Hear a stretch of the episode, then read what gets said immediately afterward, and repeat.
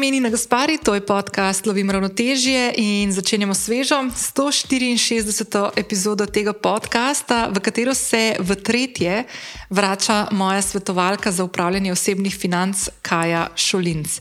Kaja je že gostovala v dveh epizodah, ki sta med drugim tudi eni od najbolj poslušanih epizod vseh časov na podkastu Lovim ravnotežje in vas vabim, če še niste, da skočite in začnete tam in se vrnete nazaj na današnjo epizodo. V 139. epizodi smo govorili o postavljanju temeljev, zdravih temeljev, uh, razumevanja psihologije denarja in razvijanja zdravih tehnik in orodij za upravljanje osebnih financ. Um, na to smo v 154. epizodi govorili o postavljanju letnega proračuna, o grajenju nujnih in priložnostnih fondov. Uh, odgovorili smo kar na nekaj vprašanj, ki so se pojavila med občinstvom. Uh, in uh, odgovorili smo tudi na eno vprašanje, ker smo to snemali v začetku leta, kako, kaj lahko naredimo na začetku leta, da izboljšamo svoje finance. Tako da to nekako so teme, ki smo jih že pokrili. In v današnji epizodi, ki je pred tabo, se bomo lotili še dodatno razdelovanja tematike, o kateri se čist premalo pogovarjamo in absolutno premalo učimo skozi življenje, skozi odraščanje. In to je psihologija denarja. Danes s Kajo govoriva o omejitvenih prepričanjih, ki jih ima vsak od nas o denarju. In danes epizodo in pogovor vodi Kaja. Uh, Kaja je pripravila nabor enih vprašanj um, in postopek vodenja mene skozi to epizodo.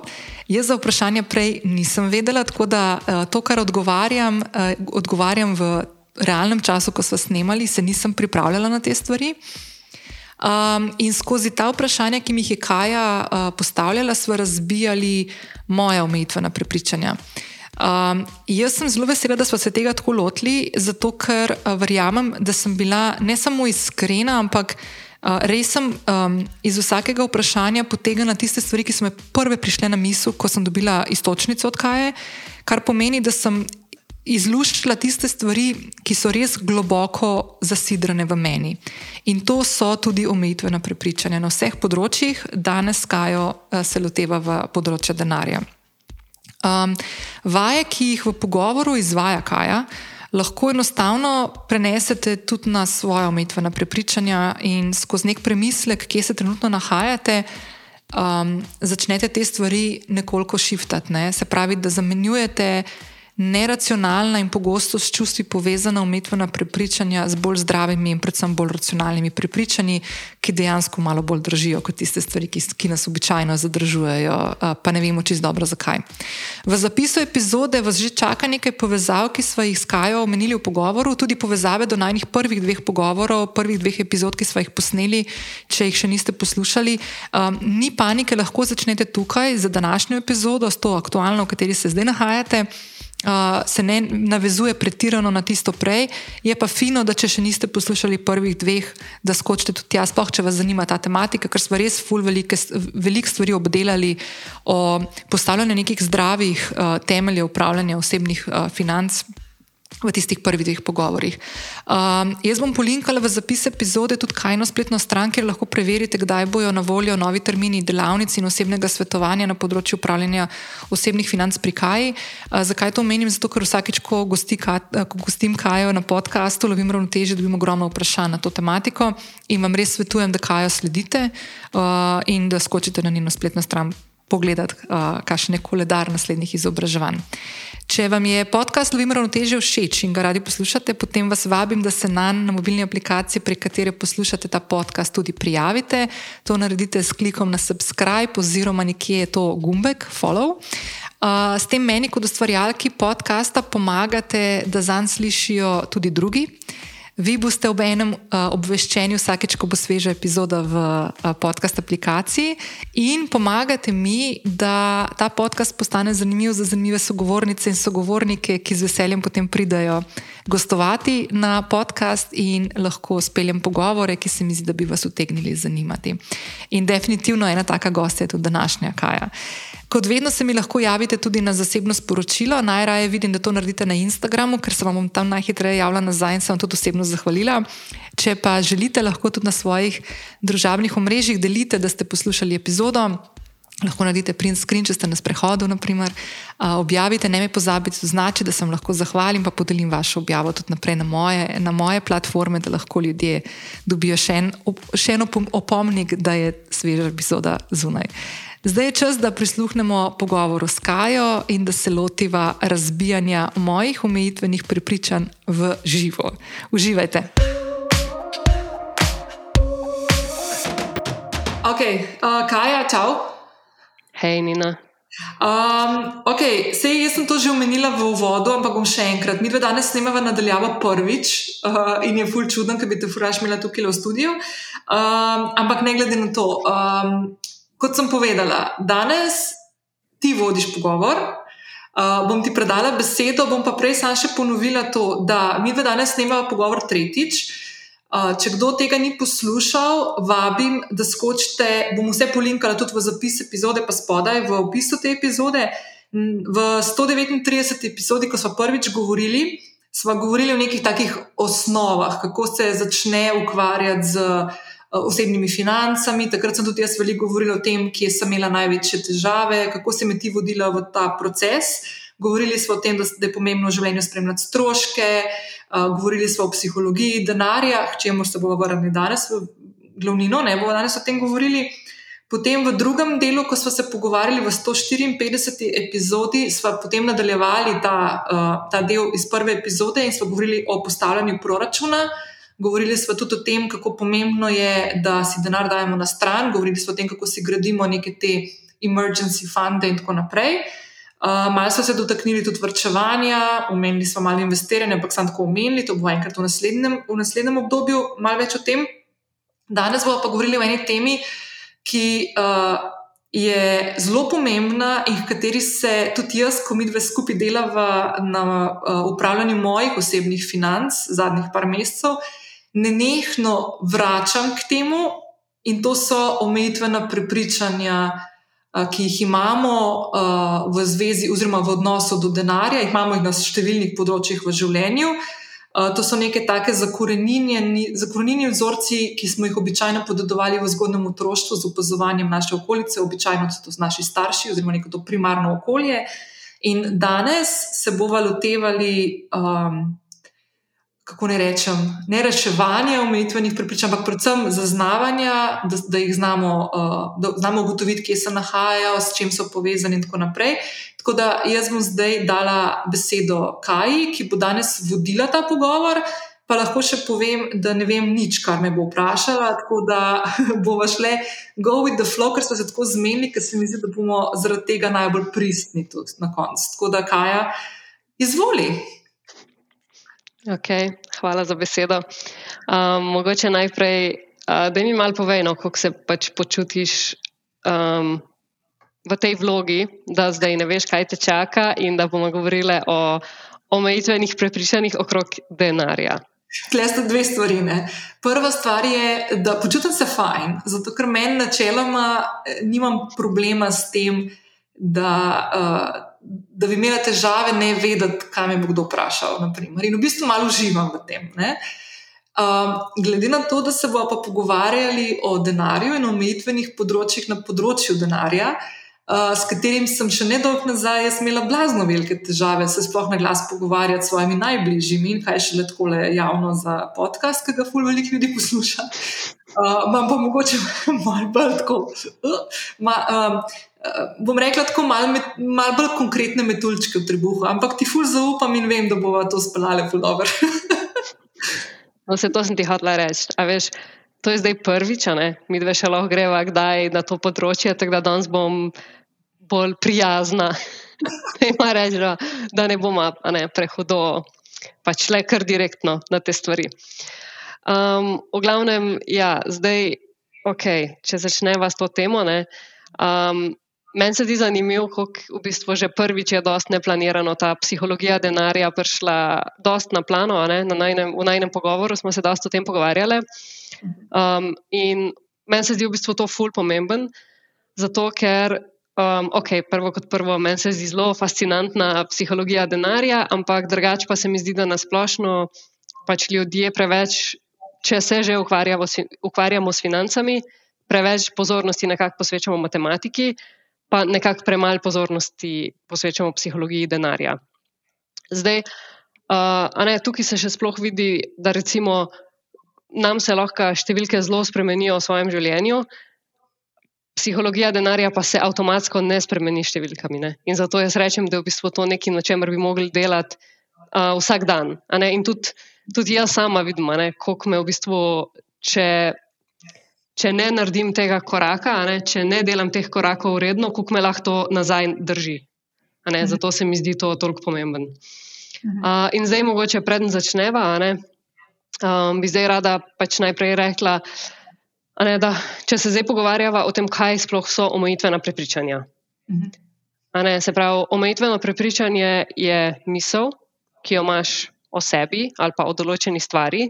Ne, pač na koncu je nekako to dost vezano na tebe, tudi če je vezano na denar, je to tvoje gledanje denarja. In v bistvu, ne, pač to je neka stvar, katero, za katero ti verjameš, da je resnična. Mhm. In na nek način te zadržuje v življenju pri odločitvah, ki jih sprejemaš. In v bistvu to potem s časom postane, tok, s časom postane to del tebe. Um, in je za tebe neka absolutna resnica. Se pravi, omejitvena prepričanja so vse tiste misli, uh, katere pač mi verjamejo, da pač za nas držijo. In v bistvu so večinoma shranjena v naši podzavesti, uh, na plan pa pridejo takrat, ko moramo neko odločitev sprejeti, in takrat potem to nekako mm, ni. Ne? Mogoče nas ta umetveno prepričanje vodi v to, da sprejmemo napačno odločitev, ali pa da težje sprejmemo to pravo odločitev, zato ker je tisti glas vedno zadnji, ki nas nekako nazaj drži. Mogoče, veš, kaj bi tle še dodala? Ja, to si ful dobro zelo povedala. Se mi zdi, da včasih niti ni, ne gre za to, da bi sprejemali napačno odločitev, ampak gre za to, da se vedno znova vračamo k enakim odločitvam, ki smo jih že v preteklosti uh, sprejemali, zato ker enostavno uh, si ne predstavljamo, ker je to, to tudi, kar nam nekdo, naprimer, lahko odzuni reče, da tole imaš pa čist napačno predstavo o neki zadevi. Naprimer, Mi tega ne bomo razumeli, ker je absolutna resnica, ker nismo ozavestili, da je to neka taka stvar, ki je zakorenjena v nas, pa ni nujno ta prava, pa ni nujno resnica. Uh, imamo občutek, da, da to ljudje ne razumejo, da to pač valjda, da je to resnica, ker mi s tem živimo že praktično celo življenje in ne poznamo drugega odgovora na neko, na neko stvar. In ko pridemo v neko situacijo, ko sprejemamo odločitve, se vračamo na neke te um, naše resnice, na naše, uh, na naše odločitve ali pa na neke. Eh, stvari, ki smo jih v življenju že naredili, in bom zdaj tako rekla, ki bi bili živali in preživeli vseeno, se pravi, smo preživeli, ampak ostali v nekih svojih conah obdobja, ravno zaradi tega, ker se nismo, nismo zaznali, da obstaja tudi druga pot, ki jo lahko uberemo, ki je mogoče lahko boljša za nas. Ja. Hvala za um, dodatek. Um, ok, potem pa zdaj ena stvar so omejitvena prepričanja, a ne druga pa je, če zdaj predn začnemo z omejitvenimi prepričanji o denarju, a ne če se zdaj pogovarjava o tem, kaj sploh je denar. Mhm. Ne, zdaj denar je orodje, ki nam pomaga, da neko določeno vrednost izmenjamo za vrednost nečesa drugega. Mhm. Se pravi, denar ni pozitiven ali pa negativen, denar je sredstvo za izmenjavo vrednosti. Mhm. Kako se to sliši? Ne, to, Kaj praviš? ne, to je super stvar, ker umakneš vsa neka čustva, ki jih imaš do konkretno denarja in ki so doskrat povezana s tem vrednotenjem svoje lastne vrednosti, Rečemo, ali pa ne vrednosti, jih umakneš stran. Ne? Se pravi, gledaš na to kot na nek objekt, na katerega niso vezane neke negativne ali pa pozitivne asociacije ali pa čustva. Ne. Tako da, ja, to se ful dobro sliši. A bomo na ja. koncu tega prišli, da se bo tako gledalo na, na, na denar, pa na vse, kar pride zraven. to je vprašanje. Ampak ja, bomo videli. Um, ja, se pravi, in pol, če zdaj govorimo o pač naših prepričanjih, zdaj naša prepričanja potem postanejo naša dejanja. In s tem pač v skladu s svojimi prepričanji, uh, se potem mi obnašamo in potem naša dejanja pač naredijo naše rezultate. mislim, vodijo do naših rezultatov. Mhm. In ne, zdaj, če pač se mi dve pogovarjava o tem, um, pač, mm, mogoče prvo vprašanje ne, je, zdaj, kak, kaj pa tebi denar pomeni? Um, hm. Kaj je prva stvar, ki ti pade na pamet? Kaj ti pomeni denar? Kar prvo. Prva, mogoče zdaj že malo preveč razmišljam, ampak prva stvar, ki mi pade na pamet, je mogoče ta, da mi denar predstavlja živeti neko življenje, ki si ga želim živeti.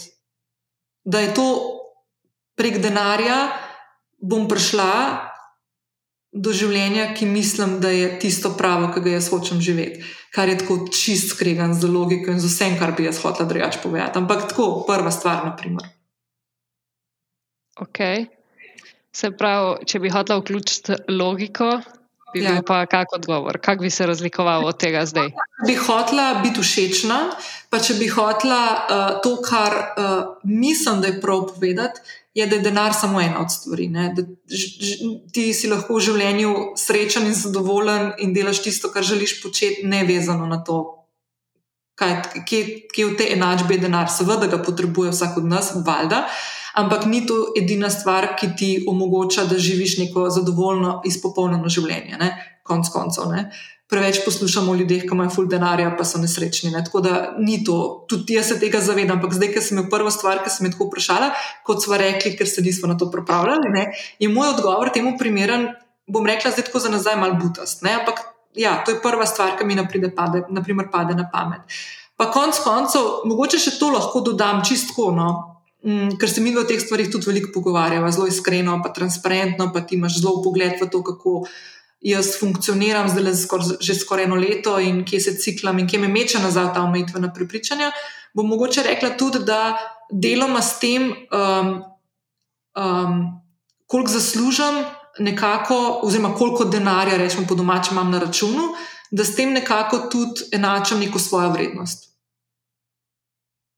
Mhm. Kar se je mogoče, ča, ne mogoče, definitivno v času, odkar sem samostojna podjetnica, še toliko bolj nekako sidral, že na tako tista moja slaba omejitvena prepričanja, ki jih imam že iz otroštva, in jih je nekako še to, je, to razmišljanje še malo bolj spodbudil, mogoče, kot bi drugačne, če ne bi bila, naprimer, na podjetniški poti. Um, jaz mislim drugače, da je to ena stvar, ki nas jo je zelo družba naučila. Mhm. Da je uspešen tisti, ki ima veliko denarja, in to pomeni, da potem je uspešen. Pač, to pomeni, da je denar, ki ga imaš, a ne lastna vrednost. Ja. Tako Da, jaz mislim, da to, to nas ima večina, a ne Mhm.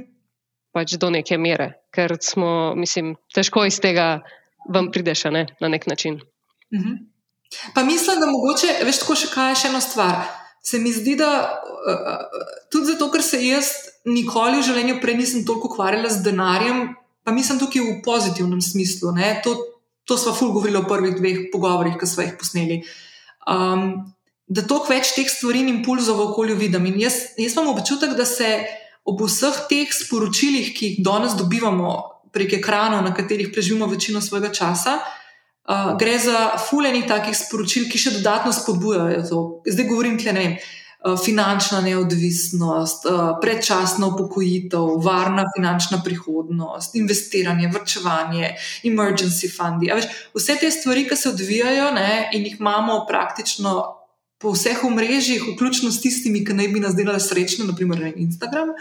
Um, Se mi zdi, da to še dodatno razplamenti to, da denar je enako tvoja vrednost. Ne?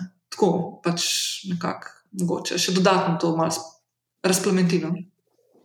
Mislim, ok. Ne? Jaz si lahko misliš, da sem vesela, ker vidim, da je tega več, a ne? da se o teh stvareh pogovarjamo, o investiranju, pa o emergency fundu, ne? ker v bistvu to je del izobraževanja o denarju. ne. Da, ampak mogoče je pa bolj ta stvar, da bi mogli biti še malo več te psihologije denarja. Po Instagramu, pa povsod. ne. To je mogoče.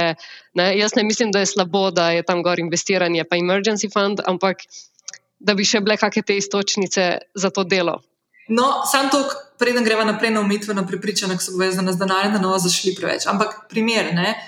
Jaz, na primer, pri sebi ocenjujem, da ista ta sporočila sem, naprimer, lani, preden sem tebe spoznala, tudi do- dobivala iz teh omrežij, pa jih nisem znala implementirati, nisem jih razumela na način, kot jih razumem danes. In jaz, na primer, ko te stvari vidim danes z nekim znanjem, pa prehojeno potjo nekega tega osnovnega finančnega opismenjevanja, ki sem ga dala s tabo čez, na te stvari gledam drugače. Ampak, če se postavim za eno leto nazaj ali več, govorim pa iz te perspektive, da mi tiste vsebine takrat dejansko. Mene niso umirjale in mi ponujale nekih odgovorov, ki bi jih znala z neko mirno glavo upoštevati ali pa mogoče razmisliti, kaj lahko jaz vključim v svoje življenje, ampak so mi posročale neko tenzijo, neko, neko, um, neko vsebino, ki jo nisem znala in nisem razumela, nisem znala valjda uplesti v svoje življenje, v svoje neke navade. Ravno zaradi tega, ker ne poznaš teh stvari, ker nisi priučen, ker izhajaš iz tega, pa konec koncev v denarju, to se ne pogovarjamo, ne razmišljamo preveč, nekaj grdega. Ne? To boh ne dej, da se o preveč, tem preveč pogovarjamo. In ima že na tej ravni težavo. Ampak da je vam mogoče iti ja, naprej na to, danes, ko bomo razbijali umetnost. Ja. Ja. No, sej, ne, tu smo že tudi v bistvu pri omejitvenem prepričanju, ker še ena, to si zdaj ravno kar povedala, omejitveno prepričanje. Ne, poleg tega pa še to, da tudi si ne smemo želeti veliko denarja. Ne? To je še pa bolj grdo, kot pa se pogovarjati o denarju. Nekaj grdega. Ne? To je. Ja. nekaj res grdega in nesprejemljivega v družbi. In vsak, ki ima denar ali pa si ga zasluži, je nekaj sigurno narobe naredil, nekaj, nekaj ni bilo tukaj ok, da ga ima. Uh, uh -huh. ja, ja, definitivno. A to je, zdaj moramo vprašati. A to je tvoje omejitveno prepričanje? Um, jaz bi si ful želela reči ne, ful bi si želela tako reči ne. Um, ampak zelo lahko le ful zafilozofiram, zakaj imam včasih s tem malo težavo. Pa, težko, mislim, jaz v osnovi mislim, da ne. Da to ni nekaj tako, da nekdo, ki zasluži denar, avtomatično je, nek, je, slab, nekaj, je mogel nekaj narobe, ali pa je mogla nekaj narobe v življenju narediti, ali pa izigrati sistem ali kar koli. Ne gre za to. Je pa res, da živimo v družbi, v kateri Uh, imamo vse prevečkrat, mislim, veliko enih takih zgodb slišimo, ki se ne končajo z nekim prevzemanjem odgovornosti tistih ljudi, ki so mogoče zastrali kakšne stvari. In da bi na podlagi takih zgodb in, in prenašanja odgovornosti na prave akterje v nekih zgodbah dobili vsi skupaj šolo, kaj se zgodi, če narobe delaš. Iz tega vidika, tle vam jaz slišijo, ampak to je stvar, ki je izven mene. Tako da jaz v osnovi ne mislim, da nekdo, ki je uspešen in, in ima neko premoženje, da je slab človek. Ne.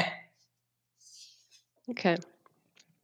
Um, zdaj, mogoče še, kar smo čisto pri tem, um, pač, kaj je prva stvar, na katero pomisliš, ko slišiš, ne? kaj je denar tebi pomeni. Kaj pa če ti povem, recimo, a je za tebe denar karkoli od tega? Se pravi, varnost, rast, veselje, upanje, možnosti, svoboda, učenje, užitek, nikoli dovolj, strah, ja. anksioznost, pritisk. Vse to. Čist pri vsaki stvari, ki si jo zdaj povedala, lahko komodam zraven stvari. Ker si govorila pozitivne asociacije, lahko povem stvari, ki se meni pripeljajo. A veš, ti rekla učenje. Sem že videla, kje stvari bi, naprimer, zdaj, če bi imela priložnost, možnost, kaj, kam bi se šla učiti, kam bi se šla izpopolnjevati. Ker si rekla užitek, sem že videla večerice, veš, kje ne. Um, Ker si rekla anksiozno, sem se vrnila v določene stvari, ki jih jaz pri sebi zdaj v tem trenutku, ko se pogovarjava, urejam. Tako da, ja, absolutno z vsako stvarjo, v vsakem trenutku, bolj ali manj je vse to povezano. Okay. Okay, zdaj pa se bomo malo vrnili v, v preteklost. In zdaj me zanima, kaj je tvoj prvi spomin na denar? Okay, dve stvari. Kako mi je dobro, to pa ta lepota tega, da ne vem, kaj me boš vprašala. Okay, dve stvari sta. Um, ena stvar se nanaša, to, to ni prvi spomin. Ampak je pa uh, taka rdeča nit mojega otroštva in odraščanja. je to, da pri meni doma, v moji družini, to sem ful veliko govorila lani, v, mislim, da 131, bom polinkala epizodi, ki sem govorila o odnosu do denarja, pa o strahovih. Pa Tisti epizodi, zaradi katerih si ti mene kontaktirala in smo se spoznali.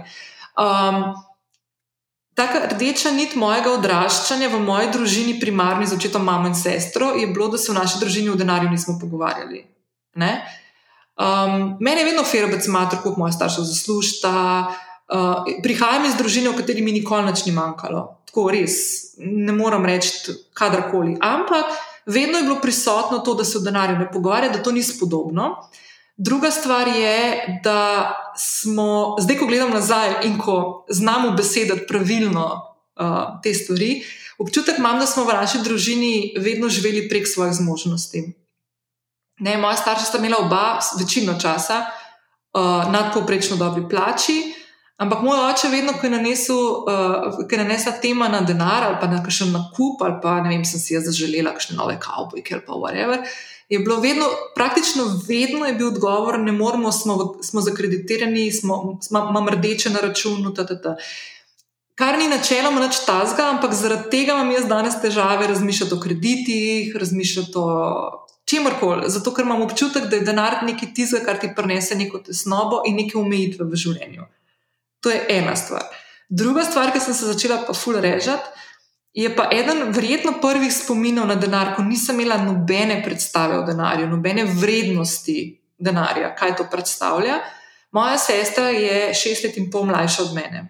In ko je imela tik pred njenim prvim rojstnim dnevom, sprav, da sem jaz takrat stara sedem let, pa po, drugi razred, verjetno, osnovne šole, Uh, smo bili kakšen teden, dva pred majhnim rojstnim dnevom pri babici v Kranju na obisku. In jaz sem šla v mest, ko smo se tam nekaj igrali. Pa to sem šla v spalnico od babice in detka. In sem šla mal brskati po predalih, in sem v nočni umarci od babice, ne vem na kateri strani pojsla zdaj babica ali detka, se vsem, sem našla rolco denarja, uh, zavid ga v elastiko. In jaz tako vedela sem, da je to denar, in sem si mislila, oko, dobro, bom jaz to vzela, da bo moja sestrica lahko kupila darilo za prvi rojstni dan. In sem to vzela, dala najbrž v žep od bunde, torbica najbrž nisem imela takrat, in smo šli domov. In zvečer, jaz sem šla že spat, ampak še nisem spala, je zvonil telefon precej pozno, kar je bilo neobičajno. Moj oče se. Telefon je bil pred mojo sobo na steni, ker to so bili še časi, ko je bil telefon z žico. Um, moj oče je dvignil telefon, na drugi strani sem prepoznala, da je pač neka frka bila, je bila babica, ki je klicala, če slučajno vejo, če sem slučajno, če kdo vzel denar, ne? ker tisti denar, ki ga ima babica imela z vrvico oziroma z elastiko, za vidgo vrolco v svoji nočni marci, bil za nov avto. Jaz sem tako ukradla nemške marke, tako ful velik denarja za avto kupiti, praktično, ne? brez kredita in odplačati v kešu. In, ja, in sem jaz takrat, takrat sem jaz tako ful fasana, jaz sem takrat dobila poriti iz kuhalnico. Tako da, wow. še v njih časi, ja, ja, ki si pač bil fasen. Jaz sem mogoče dvakrat, trikrat v življenju fasala, to je bilo enkrat od tistih. Tako da, ja, tudi to je, naprimer, eden od mojih prvih. Pa zdaj nikoli nisem povezala, mogoče, da imam jaz slab odnos do denarja, tudi zaradi tega, ker sem jih fasala zaradi tega enkrat. Ampak, a veš, no, ja, to so pač taka dva spomina v navednicah. Eden je malo bolj traumatičen, kot mogoče to drug. Ampak ja, no, tako.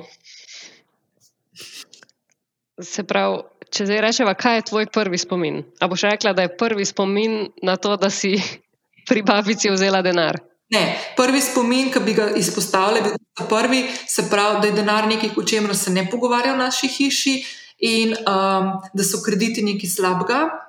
Um, in da, uh, ja, v bistvu bom kar tako direkt rekel, da so krediti nekaj tasga, kar vzameš takrat, ko si nemočen in ko pač ne, ne moreš drugače. In da probaš čim, čim prej te stvari tudi odplačati. A veš, pa sem že stokrat poslušala, da to ni res, pa to, ampak ja, ker se vračam, se vračam nazaj v tisto, smo zakreditirani. Mimo grede, zakreditirani smo bili zato, ker smo se kupovali avto, ko je bil odplačan kredit, pač so šli v nakup novega avtomobila in vzeli kredit spet. Tako, no. Ampak zdaj, ko gledam nazaj, ker smo se spomnili, mislim, da ne vem, ali smo se pogovarjali to v drugič, ko smo se pogovarjali, mislim, da v 154 epizodi ko smo govorili o postavljanju proračuna. Ne, in si ti, ali pa že mislim, da v ta prvi, ki si rekel, da če zaslužiš na mesec 1000 evrov in imaš stroško 1000 evrov, pomeni, da živiš prek svojih možnosti. Ne? Ja. No, če sem pa jaz poslušala moja starša, ki sta ne, poleg tega, da sta bila zakreditirana, sta imela tudi vedno minus na računu, je pa to ne, da, da, da zapraviš tisoč, ki si zasluži tisoč, ampak da zapraviš tisoč sto, ki si, zapra, si zasluži tisoč. Naprimer, no, tako.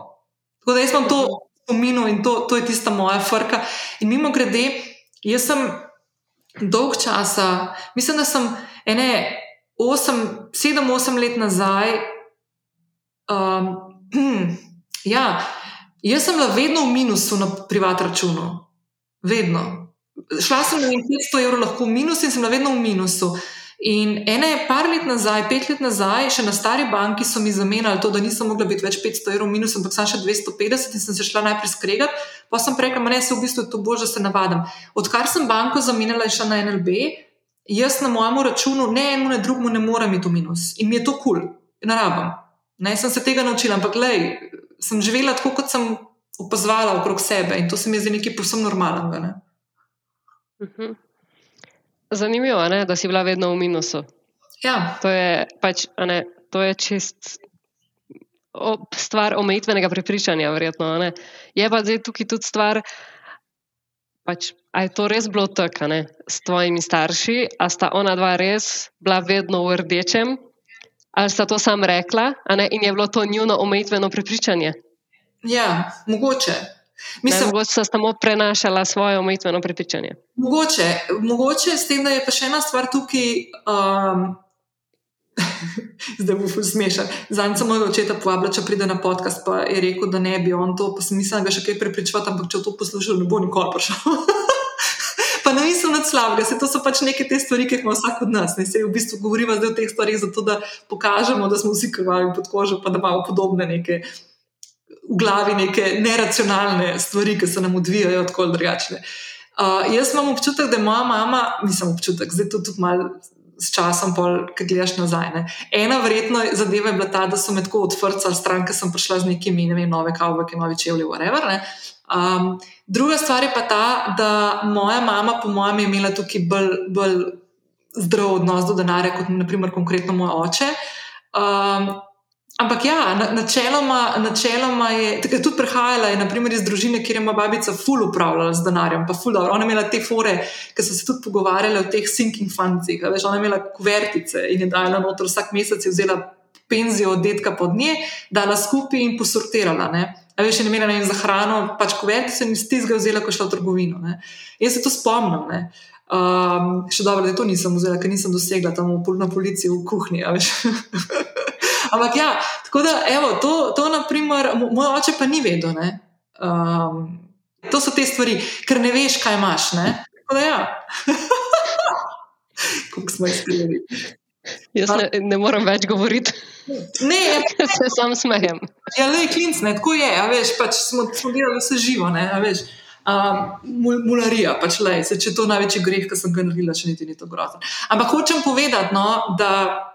Naprimer, primer, ne, meni se to ne more zgoditi, naprimer, da bi zdaj. Um, jaz vem, koliko imam zdaj v denarnici, vse približno denarja. Vem točno, do, skoraj do centa ti povedati, koliko imam na vseh treh računih, ki jih imam. Veš, No, mislim, da te ne more noben kar vzeti.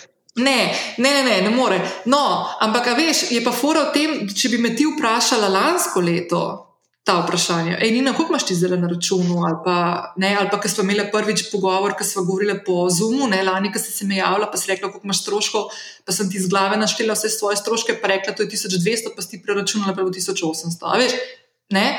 To je ta fora, pol na koncu, ki v bistvu imaš občutek, da veš, pa pol ne veš. Ampak danes, naprimer, če me vprašaš, pa točno vem, koliko je ura za vse stvari. To, to, to je ta razlika. In jaz mislim, da so se tle pri določenih stvareh z mojim očetom ful podobne. In jaz sem dejansko določene te vzgibe in, in, in odnos do denarja bolj kot ne zgradila si iz tega, kar sem očeta opazovala, ne imamo. Mhm. No, okay. Ja. Pa ne mislim nič slabega s tem, pač sam to je bila moja realnost. Ne? Ja, se tudi ne, zanimivo je v bistvu, da okay, če se o tem doma ne pogovarjaš, ne, da ne, ne prevzameš po tistem, kar se ti je zdelo, da je boljše upravljalo, ampak po tistem, kar se ti je zdelo, da je slabše. Jaz ne vem, če sem takrat vedela, kdo je boljši, pa kdo je slabši. Veš, ja, okay. Ampak mimo grede, še ena stvar. Meni je moj oče skozi zadnjih 20 let govori, da je začni vrčevati, da je uno, da je uno. Veš, ampak meni je fully zanimivo, jaz ne vem, kako moj oče vrčuje, pa investira, pa to nismo se nikoli o teh stvarih, ker pač res se ne pogovarjamo o teh stvarih. Ampak ne. Um, meni je fully zanimivo in nikoli ga nisem resno vzela, ker mi je to govoril, sploh zdaj v zadnjih letih, zato ker se mi je zdelo, da je pač. Ti smo tako neporihtane, a veš, pač jaz vidim, da imam težave z določenimi zadevami in, in ne morem, a veš, tisto walk the talk, ne. Uh -huh. veš, in, in ne jemljem, naprimer, pa ima prav, pa ima prav, ampak če ti ne moreš ti nekomu reči, to je tako, da bi ti lani meni prišla prvo uro, ki bi se dobila, pa bi rekla, Janina, začni vrčvati, no. A veš, Postaviti je treba sistem, razumeti je treba, kaj se dogaja, razumeti je treba, kako je treba upravljati z denarjem, preden greš ti v neke to, hej, mogoče pa vrčo, hej, veš, v skladi. Kaj pa če bi začela v sklade dajati? Ja, kva? Kaj je to? A veš, treba je, ta, ta razkorak je bil pri meni ful prevelik, da bi karkoli lahko vmes naredila. Danes je bistveno manjši, oziroma na določenih področjih, kaj se vrčevanja tiče ga ni več, ker ste te, te točke ste se staknili skupaj in mi je danes to tako rutina ratalno. A veš? No, tako. Ok. okay. Naslednje vprašanje. Kaj je tvoja največja frustracija okrog denarja danes? Joj. um, Veš, kaj mi v bistvu. Um, zdaj se bom malo vrnila na te cilje, ki smo jih mi dve postavljali lansko leto. Ne? Um, pa ne vem, če smo o tem govorili. Ampak dobro, le bom izpostavila en cilj. Ne? En cilj, ki smo si ga lani uh, postavili, oziroma ki sem ga jaz postavila, no, mislim, da na prvo mesto, je bil, da začnem vrčevati za to, da bom lahko si kupila stanovanje, da bo v Zmihu kupila stanovanje. Ne? In še ena stvar, ki se je pol usporedno tukaj dogajala, je to, da sem šla jaz, ko sem šla uh, malo preverjati za kredit na banko, oziroma za možnost pridobivanja stanovanskega kredita. Če ne vem, če se spomniš takrat, to, to meni ti nisi dal te naloge, ampak meni je bilo pol. To spremljanje financ, pa teh stroškov, vsega tega, tako fascinantno in tako sem dobila nek ta občutek opolnomočenja, da sem šla jaz v bistvu za vsa leta nazaj, odkar sem na svojem, ne? se pravi od leta 2011, sem šla gledati zaslužek. Pa, ok, nisem mogla za vsa leta delati take razdelave stroškov, kot jih delamo zdaj, ker nimam podatkov, ne? ampak sem šla delati na ravni stroškov podjetja, koliko sem imela stroške in sem si nekako preračunala v navednicah no? neko neto plačo, ki sem jo imela. In zdaj na podlagi tega, da vem, koliko približno imam danes, ko so rečemo, da je to najdražje leto, ne, zdaj v tem trenutku, odkar sem jaz na svojem, koliko imam mesečnih stroškov, sem ugotovila, da če bi bila jaz, če bi imela jaz znanje, zavedanje, postavljene neke cilje. Pa prioritete, da bi znala upravljati z denarjem, tako kot mogoče znam danes, pa vem, da se imam še pull zvelik za naučiti, bi si jaz stanovanje lahko sama kupila brez kredita. In Moja največja frustracija je, da to, kar danes vem in, in to, kar sem se s tabo naučila v zadnjih vem, devetih mesecih, mi je ful žal, da, da nisem teh stvari vedela prej. Pa je ful lahko biti pameten, generalno lahko biti pobitki, pravijo. Ampak to je meni največja frustracija zdaj in vsakeč znova, ko pomislim. In ko vidim cene stanovanj, in ko vidim uh, vedno više obrestne mere za kredite, in se mi ta stvar, tako imam občutek, da se mi odmika. Mm, to je tisto, kar sem prej rekla, ne? da imam mogoče malo občutek, da, da ne morem živeti življenja, ki si ga želim živeti, ker je to povezano z denarjem. Ne? No, to, na primer, imam največje frustracije na tem področju. Vid, in, in, in predvsem zato, ker ne vem, kam je šel denar, ki sem si ga krvavo in z poštenim delom prislužila. In ne vem, kje je, sploh ne vem, pač ne, tako bizarno. Um, ja, ok. Ne, pač, mislim, to mislim, da je jasno, kam je šel ta denar. Ne? Pač v stvari, ki ti niso bile pomembne. No, no. To smo že videli. V bistvu to, to razliko.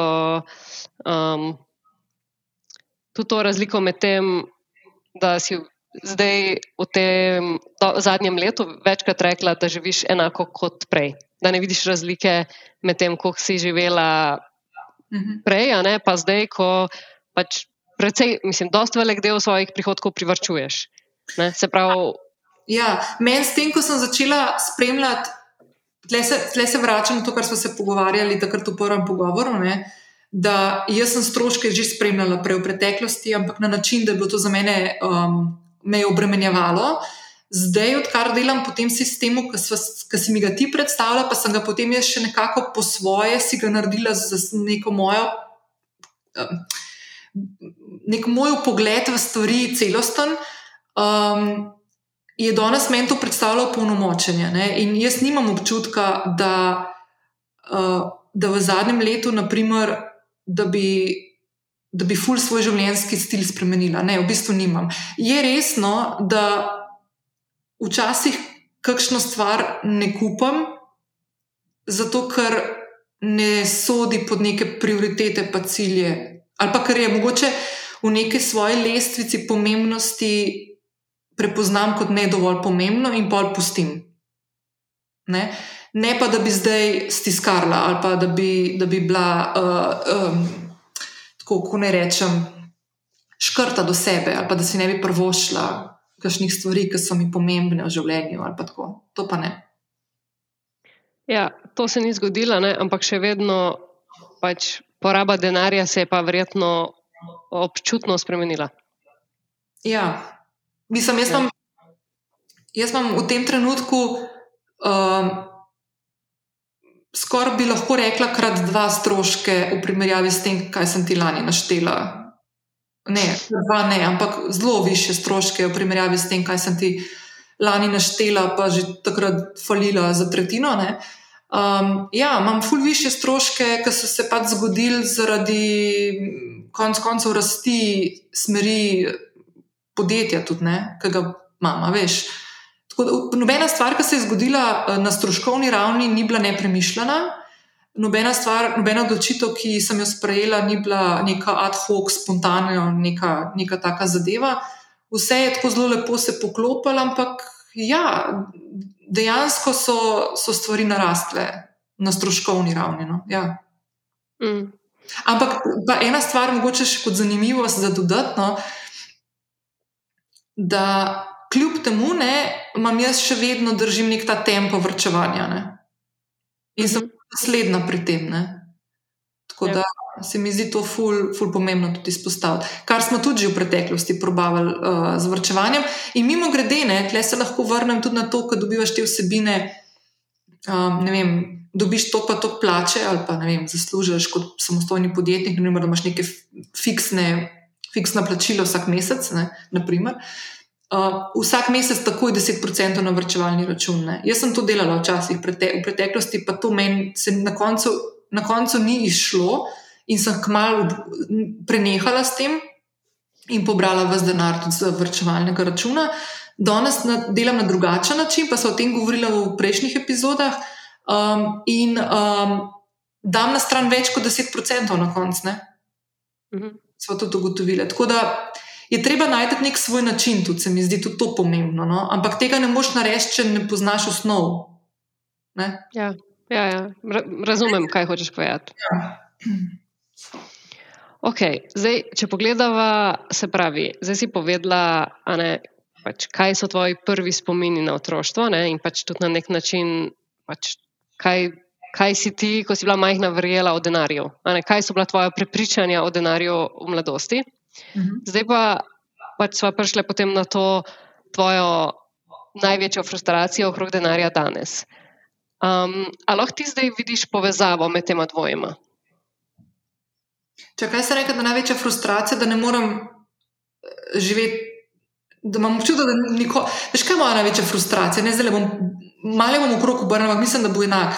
Moja največja frustracija je, da kljub temu, da mi gre na moji podjetniški poti iz leta v leto boljše, tudi finančno gledano, imam vedno občutek, da sem korak zadaj za tistim, kjer bi lahko bila ali pa kjer bi si želela biti. In da da mor, nekako imam tako občutek, da sem v nekem zaciklenem krogu, no, kar lahko povzamem z besedami, da, da nikoli ne morem doseči tistega cilja, ki sem si ga postavila. Pa dejansko ne gre za cilj, ki je, jaz mislim, da je realen cilj. Ne? Da ni to nek cilj, ki bi ga dala, ne vem, čez dve leti bi se pa preselila v vilo na Jamajki, ne? ampak so, no, čeprav verjetno v vila na Jamajki, cenejša kot stanovanje v Ljubljani. No. Ajde, mogoče ni dobro primerjava. Ampak ja. Um, se mi zdi, da vedno moja največja frustracija, ki jo nekako tako, ki se malo povezuje tudi z dinamiko dela samostojne podjetnice, je, da sem skozi v nekem vrtincu, ki nikoli nisem, nikoli nisem pred tistim, kjer si želim biti v nekem danem trenutku. Vedno, vedno lovim neko točko, kjer si želim biti v življenju, in sem zadnji. To je moja frustracija in tle je ful povezan z denarjem. Ne? Se pravi, a ti hočeš povedati, da si prepozna, da si se zamudila? Mislim, jaz to cel življenje poslušam, kamorkoli pridem, da včasih je bilo ful boljš tle. A veš. Mislim, to, sem večkrat, to sem že večkrat povedala. Ja, malo imam ta občutek, da sem nek sledilec, ne pa nek trendsetter, pa ne da bi hotela biti prva vedno. Nisem niti tak tip človeka, da bi šla razkirati vse zato, da provam, pa da sem prva. Ampak Jaz sem, po mojem, že parkrat na tem podkastu omenila, da je verjetno to, da sem podcast naredila pred kaj, tremi leti, pa pol, ena od, ne ena, re, edina stvar, ki sem jo naredila in se lotila, preden sem imela občutek, da vem, kaj počnem. Prvi, to je prva stvar, zato ker vedno sem imela občutek, da to, to, to, to je ena omejitvena prepričanja na drugem področju, da moraš vso znanje na tem svetu usvojiti, preden se nečesa lotaš. Ne. Uh, Drugač pa jaz že celo življenje poslušam. Vsakeč, ko sem šla, naprimer, kakšno novo službo, vem, se spomnim, ko sem prišla na pristop iz Londona, jo, veš, koliko je bilo včasih le fajn, zdaj pa se nekaj tako zagrenjen. Ali pa sem šla, ne vem, v London, jo, pa sem prišla sred finančne krize, ki se je vse zlomil. A veš, ne, no, to cel življenje to poslušam. Tako da to imam malo vse, se mi zdi, da, mal, da je to nek tak fil ruž mojega življenja. Ampak, le, nima veze. Sem se pa tudi naučila, da moram po nekem svojem ritmu hoditi, pa da je čisto ok v tistem trenutku, kjer se znajdem. Ampak je pa moja frustracija v tem, no, da, da apetiti, ne, pa želje, pa cilji, s tem, ko ti gre boljše, tudi rastejo avtomatično. Ne. Se v tem smo se mi dve pogovarjali v, prejšnji, v prejšnjem najnem pogovoru, ko smo budžet pripravljali, pa si mi ti rekla, da če imaš ti cilj naslednje leto, ne vem, za 20 odstotkov dvigan promet na svoji stroškovni ravni, boš budžete postavila na ravni lanskega leta, ne tega, kar želiš naslednje leto doseči. Meni je bilo tako takrat, kot ti se mene nazaj držiš. Ne. In v bistvu je bil to meni eden od ključnih trenutkov učenja, takrat, ko si mi razložila, da Um, če boš šla po tej poti, po kateri ti nameravaš iti, boš večno nezadovoljna v življenju. Zato, ker ti veš, koliko rabaš za udobno življenje, ki, v katerem lahko počneš stvari, ki jih počneš, ne sicer brez glave in brezmejno, ampak pusti in dovoli si, da zaslužiš več, ampak to ne pomeni, da zaradi tega avtomatično začneš več tudi zapravljati. Um, in se mi zdi, to ful pomembno sporočilo, je pa resno, da jaz imam občutek, sploh zdaj v tem trenutku, da, da mogoče so določene stvari, ki. Hmm, ne vem, tako, ko začne malo dvomiti, veš, a sem si pravilno cilje postavila, a je to realno, um, a mogoče ni, a sem preterala. A veš, imam, imam. A to bomo zdaj povezali z mamo otroštvom? Ne? ne, po mojem, da, pač, po moje, da ne rabva. Ne? To je čist ok, to je čist normalno, da zdaj neki dvomiš. Ne? O tem, ali si previsoke cilje postavlja ali ne, se bomo pogovarjali decembra. Okay. Nima smisla. Zdaj, karkoli vnaprej govoriva, niti tri meseci niso minili. Ampak, ja. pa, če želiva nekako pogledati, kaj so tista tvoja glavna omejitvena prepričanja okrog denarja.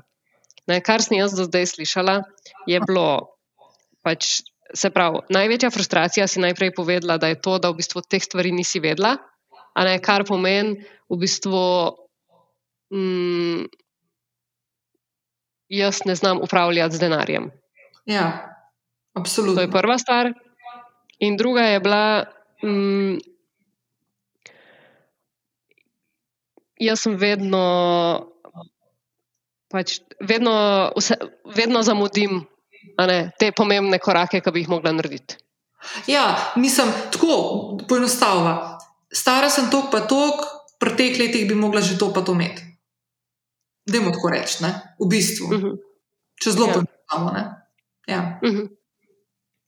Ja. Okay. A so še kakšna druga taka omejitvena prepričanja, ki so pri tebi, ki se ti zdijo zelo, um, zelo intenzivna no, za tebe? Sej imamo jih ogromno, ampak kje bi bila tista naj, najbolj uh, izpostavljena? Um, ja, um, v bistvu. Um, ok, bom zdaj eno stvar rekla, pa bom se vrnila malo na cache, pa bom ti povedala, če to je. Bolj, bolj gre za to um, um, neko navado, ki jo imam, ker se mi zdi, da tudi je povezana z nekimi umitvenimi prepričanji. Ampak bom to pol. Najprej bi mogoče izpostavila stvar. Ker se mi zdi, da mogoče nima tako zelo povezanosti konkretno z denarjem, ampak vseeno vpliva tudi na to. No? In to je, pa tudi to sem že kar nekajkrat omenila, naprimer omejitveno prepričanje oziroma nek strah. No? Uh, se, to, to zna biti včasih malo prepleten med sabo. No? Um, da nisi dovolj dober za neki. Ne? Pa mogoče A veš, in pa se sabotiraš, oziroma si ne dovoliš niti nekih priložnosti, ali pa jih niti ne vidiš v življenju, ne? ki so lahko na koncu koncev tudi priložnosti v obliki nekega novega projekta, kar prinese lahko tudi do, nek dodaten vir prihodka. Naprimer. Jaz mogoče nimam tako zelo izrazitega tega občutka, imam pa ful bolj izrazit nek tak občutek pred tem, kaj pa če mi rata, kaj pa pol. A veš? Ker jaz sem, naprimer, med drugim ne, odraščala tudi v okolju, ki mi je konstantno malo sporočil, da to, kar delam, ne glede na to, koliko truda vložim v kakšno stvar, nikoli ni dovolj dober. Ne? In jaz imam pri teh zadevah malo, še vedno malo težavo, no? ki se doskrat potem tudi preplet, prepleta v neko podjetniško um, pot v odločitve, sprejemanje ali pa ne sprejemanje le teh, in tako naprej. Druga stvar, ki je pa povezana z denarjem, ne, imam pa jaz ta občutek, ki je pa po mojem malo povezan s tem, ker ni, ni fajn biti zapufan po domač. Ne. Pa nima veze s krediti. Bolje je to, a ja, bajdo jaz imela en kredit v življenju za avto, fulmejhen, ki sem ga lani odplačala tudi s kajno pomočjo, prehitrej. Ampak. Um, Je pa druga stvar, naprimer, ne, jaz, pa se mi zdi lepa stvar, ampak vsem je bizarna. Uh, jaz vsak račun, ki ga dobim, ga plačam takoj. Ne? Govorimo zdaj, naprimer, račun. Vem, dobim račun za elektriko v nabiralniku, ki pridem gor do doma. 9 od 10 krat ga bom že pofotkala znotraj spletne banke v liftu, ali pa pridem domov, ali pa če najkasneje čez en dan. Jaz sem, po mojem, v življenju, pa bom letos stara 45 let, verjetno nisem na eno roko prstov prešten, kolikrat sem dobila opomin, da sem kakšno stvar, da nisem plačala. In ponovadi to zaradi tega, ker sem vem, na mail dobila, pa mi takrat ni bilo doma, ali pa sem nekje na poti, pa sem pa pozabila, pa mi je šel mail dol, pa sem spregledala. Naprimer. Jaz takoj plačam račun. Um, nikoli nisem z nobeno stvarjo zamujala. Isto delam tudi v podjetju. Ne? Naprimer, Jaz lahko prispevke plačam do 20 v mesecu. Jaz imam zdaj račun na, na računu denar, naprimer, ne vem, kdaj bom imela. Če, če bojo moji naročniki vsi plačali v roku, pol je super, pa bom imela jaz cash. Ampak če se pa slučajno kaj zgodi, kaj pa če bi jaz zdaj le plačala, danes mi dve snemava, naprimer 20. marec je danes, ko snemava, se pravi. Jaz imam že davno plačane prispevke za ta mesec. Ne? Ampak kaj pa, če bi jaz danes že plačala prispevke za april? Se pravi, en mesec prej. A veš, kaj mislim? Kada ne vem, kaj pa če se zgodi, da čez tri tedne, ki bom pa mogla plačati, kaj pa če ne imela denarja na računu. Kar v tem trenutku dejansko to ni realno. Ne? A veš, ampak. No, tudi to. In meni se to zdi malo tako butasno, z vidika, z, vseh vidikov, ampak ja. To je en zelo velik del psihologije denarja. Ne? Mislim, da smo se to večkrat pogovarjali na najnih uh, srečanjih, ne, na coachingih, v tem smislu, da ne moreš nikoli dovolj vnaprej preplačati. Ne, kaj, kaj je v bistvu namen tega, da ti to delaš? A si boš vse plačala za vnaprej, za do penzije, vse prispevke in pa boš mirna, a veš? Ne? To bi bilo meni najboljša stvar na tem planetu, če bi imela dovolj cache na računu, pa da bi vedela, koliko je treba plačati. Resno. Jaz, jaz sem ena od unih ljudi, ki bi to naredila in bi kreditirala državo. Sam jaz ne, ne gledam to na tako. Jaz bi gledala tako, o, ne, ne rabim se več s tem ukvarjati, to imam zdaj. A veš, ne rabim več to pisati v svoje tabelice pod stroške, ker je že vse urejeno. Sploh ne vem, zakaj mi tako glava funkcionira, ampak je zanimivo. Um, Meni se to sliši kot varnost, ja. varnost oziroma ne biti varen, ne? da bi ti to predstavljalo neko varnost. Ja. Ko sem poslušala, kako to opisuješ, ne? ker tudi zakaj moraš vsak račun plačati uh, v dvigalu. Ne? ne vem. Mogoče zato, da ne pozabim, da ne bo kdo rekel, spet zajebal. Spet ni zelo dobra. A veš, ne vem, mogoče iz tega izhaja to tudi. Ne? A veš, neko skozi neko to dokazovanje sami sebi, da nisem taka, kot so mi govorili, da sem cel otroštvo. Šitko, um, kako to vlečemo, je to noro. ja. Vsakič znova me šokira. Ja. Ok, se pravi, zdaj imamo, zdaj smo povedali neka ta dva glavna prepričanja o denarju. Ne? Tretji, ki je v bistvu nisem dovolj dobra, pa potem, če poveževa s tem strah pred uspehom. To je malo bolj globalno, ne? nisem z denarjem povezan. Da, zdaj, če bi pogledali samo, pa če mogoče kakšna prepričanja okrog denarja. Um,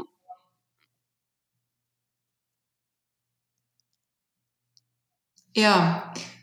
Ti... Ukvarjanje z denarjem povzroča preveč stresa. A tebe to? Ne. ne. ne.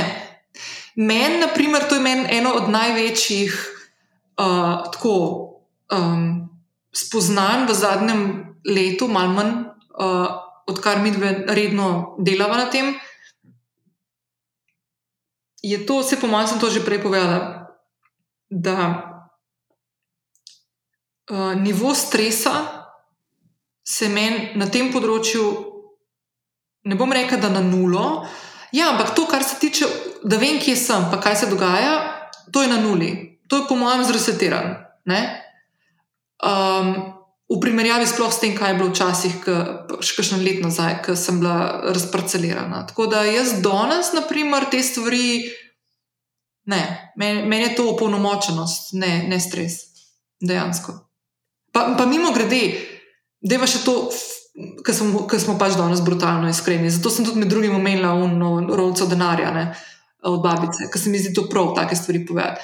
Ne, um, um, mi dve mava zelo transparentno tukaj stvari postavljene in jaz tudi sama sebi ne lažem. Ne, ne samo, da bi tebi hotela kazati lepšo sliko mojih financ, naprimer, ampak jaz tudi sama vsako stvar zabeležam.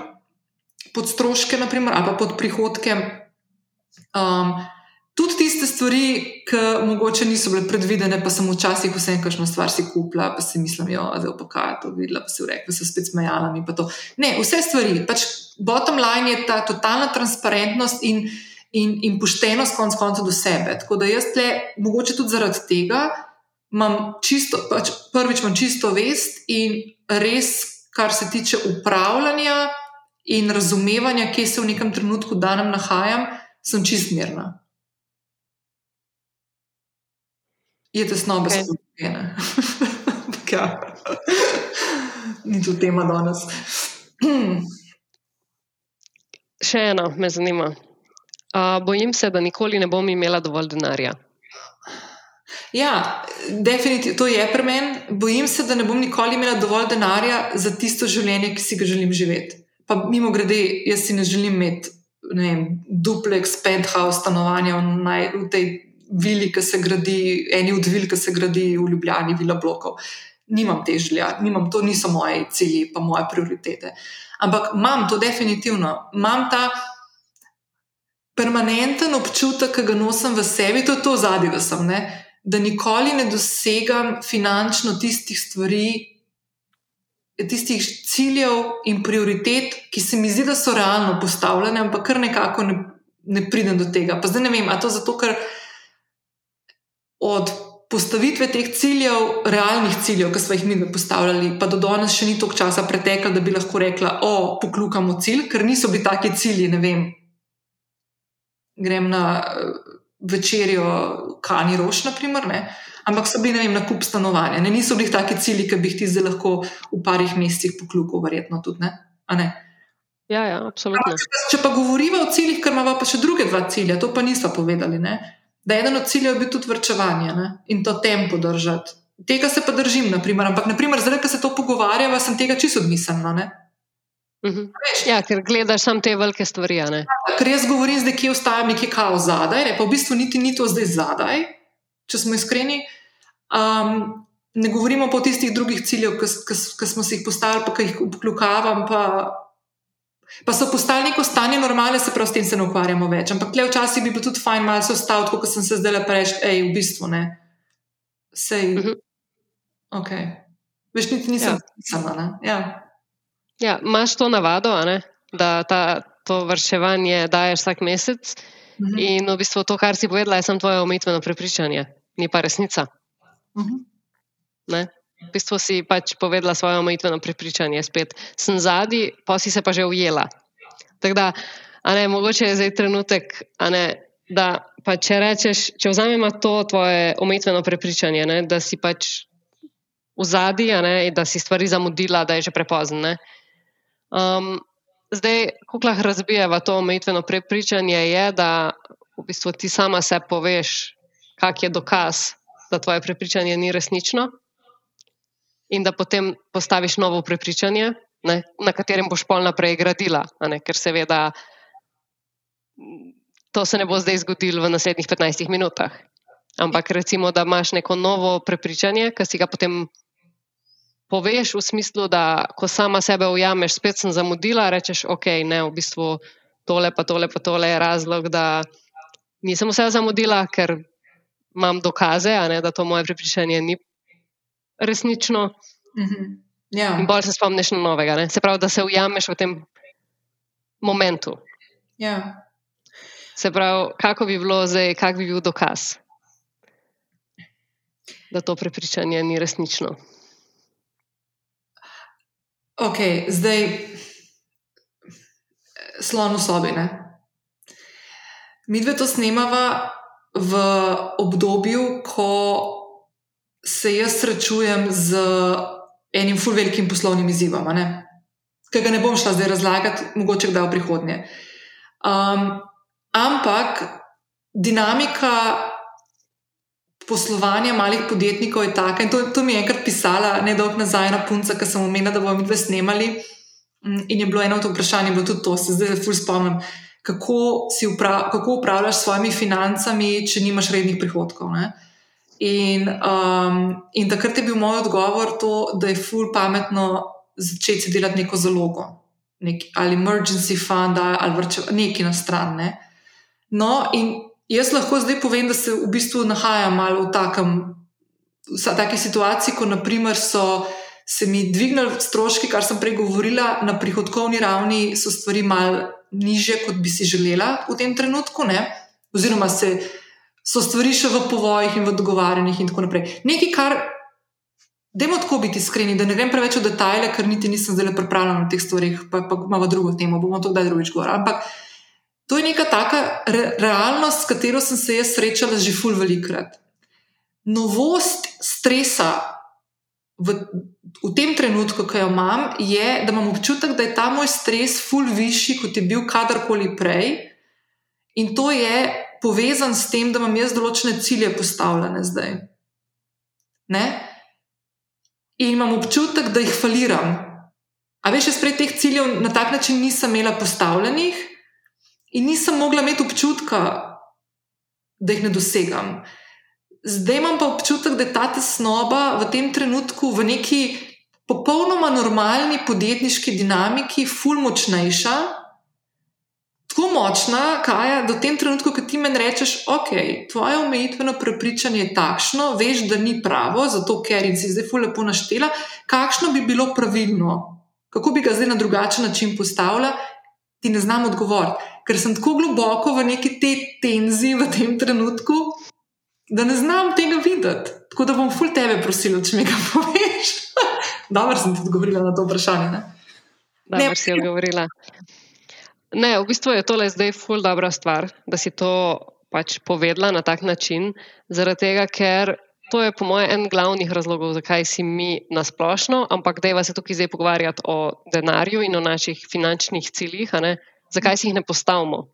To je točno razlog, ne? ker če jih ne dosežemo, se pa počutimo grozen.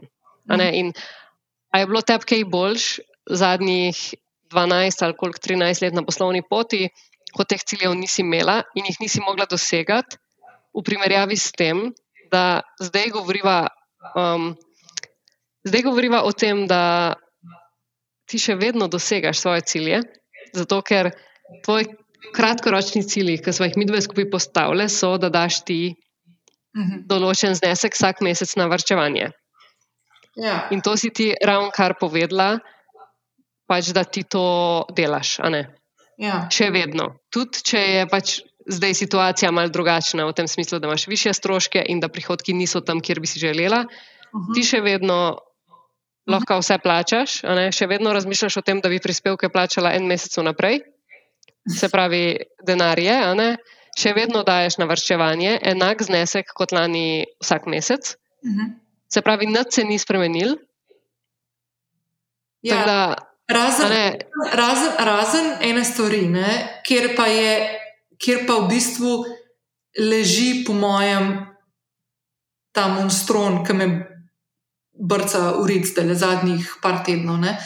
In to je, da ta glaven cilj, ki ga imam, dolgoročen cilj, ne kratkoročen, dolgoročen cilj je, da si z Miho ustvarva dom, stanovanje, da si kupva. Okay. In moj trenutni občutek, ki ga imam, je, da se mi pot do te, da se mi pot, ki jo moram prehoditi do tega dolgoročno postavljenega cilja, daljša, namesto da bi se mi krajšala skozi čas. V tem trenutku. Sej, to je stvar, ki se lahko danes, ki nehava govoriti, ali pa jutri, ali kako okrog obrne in se bo okrog obrne. Ampak v tem trenutku je ta občutek in je ta frustracija za me. Ful velika in na občutke, na, na trenutke imam tako občutek, da jo ful težko obvladujem z vsemi temi znanji, da je to umetveno prepričanje, da to, da delam iz muhe slona včasih, da en kup enih takih stvari, ki jih znamo zavesti, pa postaviti na prava mesta, pa, ve, pa vem, kaj se dogaja. Ampak vse ne. A veš, vse je tako močno to v tem trenutku pri meni, da ne znam najti um, nekega boljšega prepričanja ali pa neke obeseditve, ki bi nadomestila omejitveno prepričanje, ki si ga izpostavlja. Uh -huh. grede, um, ful sem vesela, da smo to danes začeli delati, ker um, nisem povezala eh, trenutne moje frustracije s ciljem, ki sem si ga postavila. Do zdaj. Do zdaj. ja, ok. Um, Fucking crazy pa vsak dan hodim, le spohnem, ne, v redu, noro. No, to so ti prebliski. ja. Ja. Ampak, a veš, mislim, zanimivo je, ne, zato ker če se zdaj pogovarjava o dokazih, ne, jih lahko pa naštejem. Ampak zdaj, kar bi rada rekla najprej, je, da zakaj ti govoriš, da se, da se ti ta cilj oddaljuje. A ne je zato, ker smo se mi dve pogovarjali o tem, da v bistvu, če ti mi dva sva gledali neke projekcije pri takih prihodkih, kot jih imaš. A ne, kako velik je lahko ti tvoj down payment, ne? Pač ne vem, kako se temu bi rekli, pač koliko lahko ti denarja daš takrat, v tistem trenutku. Se pravi, da ti s svojim vrčevanjem, pač zaradi svojega vrčevanja od junija lani pa do trenutka, ko vidva kupta stanovanje, ja. da je lahko tvoj kredit nižji, zaradi tega, ker si ti zdaj toliko privrčevala. Ja. In ti imaš v tem trenutku občutek, da zdaj ta projekcija ne more delovati. Ja. Se pravi, to je zdaj tvoj razlog, da neka ta, um, ne, nek trenuten občutek ti mhm. preprečuje, da bi staro prepričanje nadomestila z novim. Ja. Ja. Ja. Medtem, ko še vedno privrčuješ vsak mesec, tako da pač svoje Ne, to je bila v bistvu samo neka projekcija, ti pa tukaj ne upoštevaš tega, da kot samostojna podjetnica nimaš enakega prihodka vsak mesec, da je narava tvojega dela taka, da je načeloma na začetku leta zatišje in da je potem kasneje se lahko zelo pač, dobro razvije. Ja. In gledaš samo to, da v tem, kje si v tem trenutku, ne gledaš pa tega, da Ja. Svoje cilje vsak mesec že eno leto skoraj pač delaš proti svojim ciljem. Medtem ko prej z dost močnimi prihodki nikoli nisi v resnici delala za ta svoj dolgoročni finančni cilj. Zato, ker ko si videl, da ti je mal denarja ostal, Da si nisem, rekla, "Ka- kje bi ga zelo uporabljala. ne?" ja, da nisem imela Ja. ja, ok, cilja. Ampak lahko bi ga ravno tako imela. Ne? Ja. No, tako da, ne, če zdaj mene vprašaš, pač, kaj je dokaz, da to prepričanje ni resnično, je pač ena stvar definitivno to, da še vedno daješ račun na vrčevalni račun, Mhm. mislim, denar na vrčevalni račun. ja. Res? Ja. ja. Um, in druga stvar je pač, da, um, da je to zdaj, da so tvoji prihodki ciklični in da je v bistvu to leto podobno prejšnjemu, da se ni nič kaj drugače začelo kot prejšnje. ja. In da pač vemo, pač, da prihodki potem normalno zrastejo. Ne? Ja, ne, tle, tle, ja, veš kaj, ko se znajdeš v neki taki, v nekem takem trikotniku drame, ne, običajno um, ne, ne vidiš teh stvari tudi. Veš kaj je meni ena stvar? Ena stvar, ki je meni ful všeč s to vzpostavitvijo rutine spremljanja stroškov, prihodkov in tega, kar se je postavljalo zdaj v zadnjem skoraj letu, je meni v bistvu um, ful dobra, um, ko ne rečem temu. Ful mi je dobra vaja za to, da lahko zelo plastično pogledaš te cikle. Ne, tudi. kar mogoče, ja. kar mogoče naprimer, zadnjih par dni, ko naprimer, me lovi nespečnost, pa ker sem pod neko tesnobo, pa neka neučakanost me daje, pa cepetanje na mestu, pa kar šla malo za gost se skričati. Ne, ker stvari, rečemo po domač, ne grejo tako, kot si si zamislil, da bi mogle iti, kar običajno tako ne gre v življenju. Ne. Naprimer, bi bilo ful dobro, če bi šla te stvari za nazaj pogledati. Ne, ne samo to na ravni uh, tega, da ja, uh, sej, uh, sej vem, se tudi lani, pa predlani, pa je bo tako. To ni odgovor. Ne. Na koncu dejansko ima možnost zelo elegantno odpreti en file od lanskega leta, pa pogledati, kaj se je dogajalo. Ne. De facto. Ja, pa tega, naprimer, dokler ti nisi zdaj tega rekla na glas, ne, nisem niti pomislila. In definitivno, kar je pa še hujš mi, ne, in je po mojem eno od ključnih spoznanj tega najga današnjega pogovora, ne, je pa to, da z vsako postavitvijo nekih novih stvari, novih rutin, pridejo tudi spremembe na področju ostalih stvari, ki pridejo sem in tja, naprimer, omejitvena prepričanja. Konkretno, ne, to, da sem si jaz prvič v življenju nek konkreten življenjski cilj postavila, ki je povezan valjda tudi z denarjem, ne, ne, nakup stanovanja ni neka stvar, ki greš tako vsake dva meseca. Ne. Um, s tem konkretnim ciljem sem jaz zaurala noter v en kup enih stvari, ki takrat, ko sem si ga postavljala, nisem vedela, da se bodo zgodile in se prepeljale. Ne. To je podobno kot takrat, ko greš iz cone obdobja, se marsikajšna stvar lahko zgodi. Veliko takih zadev, ki te hoče kar malo nazaj, v tvoj mehurček nazaj vršiti. Ali pa naprimer to, da je zdaj ta cilj, rečem, ja, sej, ali pa če ga ne bo. Ne. Vse bo v redu, tudi če ne bomo imeli stanovanja skupaj, ne? ali pa doma, vse lahko vsak na svojem živi, vse se malo čez fajn. A veš? Um, druga stvar, ki se mi zdi pa ful pomembna, je pa, je pa to, da. Um, Ma se sem malo zgubila. Ne, se mi zdi to, no, ja, to, kar si umenila. Ne. Jaz ob, ob, ta občutek, ki ga imam zdaj, da faliram na nekih svojih lastnih pravilih igre, ki sem si jih postavila in z vso odgovornostjo pristopila k temu, da se jih bom držala. Ne.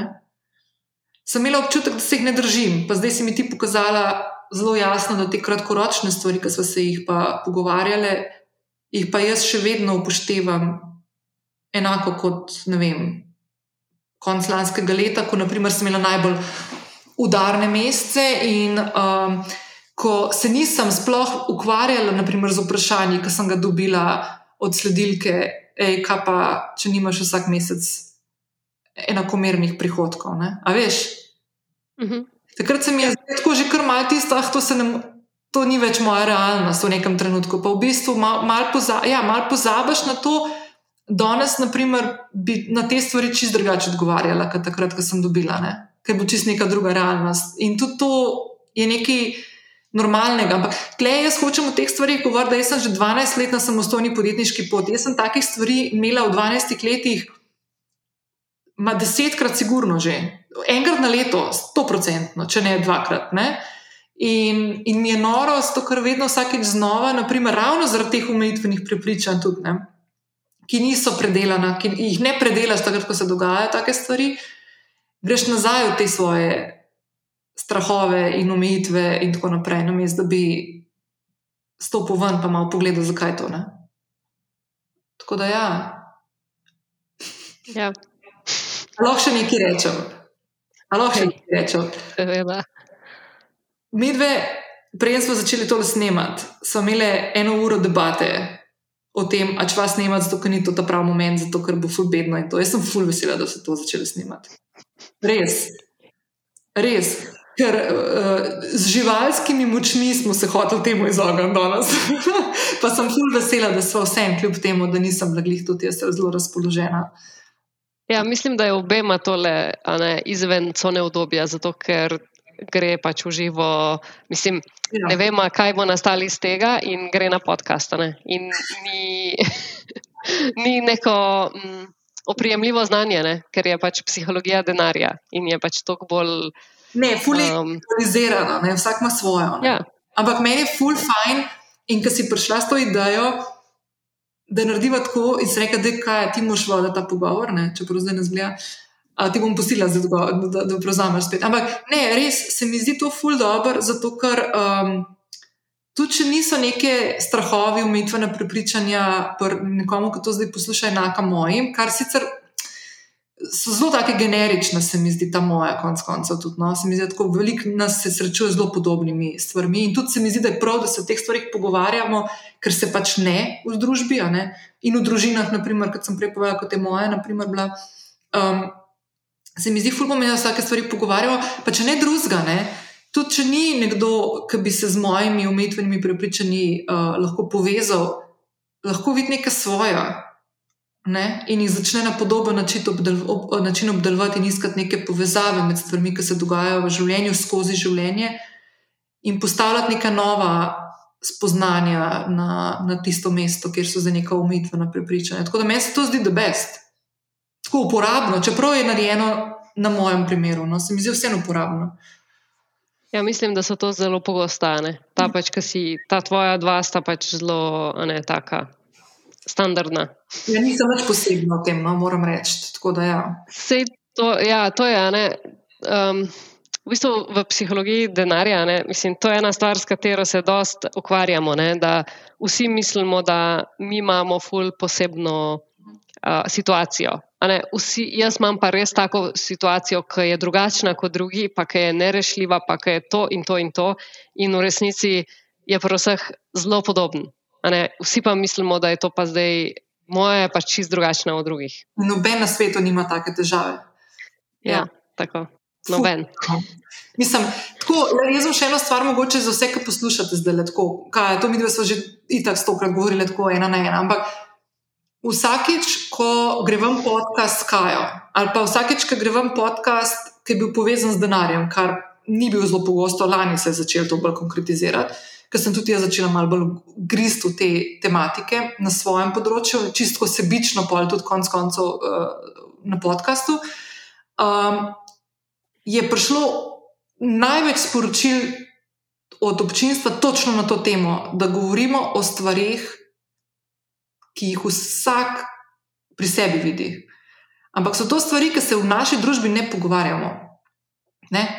Mi, na primer, se ne pogovarjamo o plačah. Se ne pogovarjamo, naprimer pri nas, ko imamo, to sem zadnjič gledala, da zdaj razmišljajo, da bi um, ob zaposlitvenem glasu napisali tudi, kakšna je ukvirna plača za to delovno mesto. To v tujini je posod napisano, pri nas tega ni. Ne?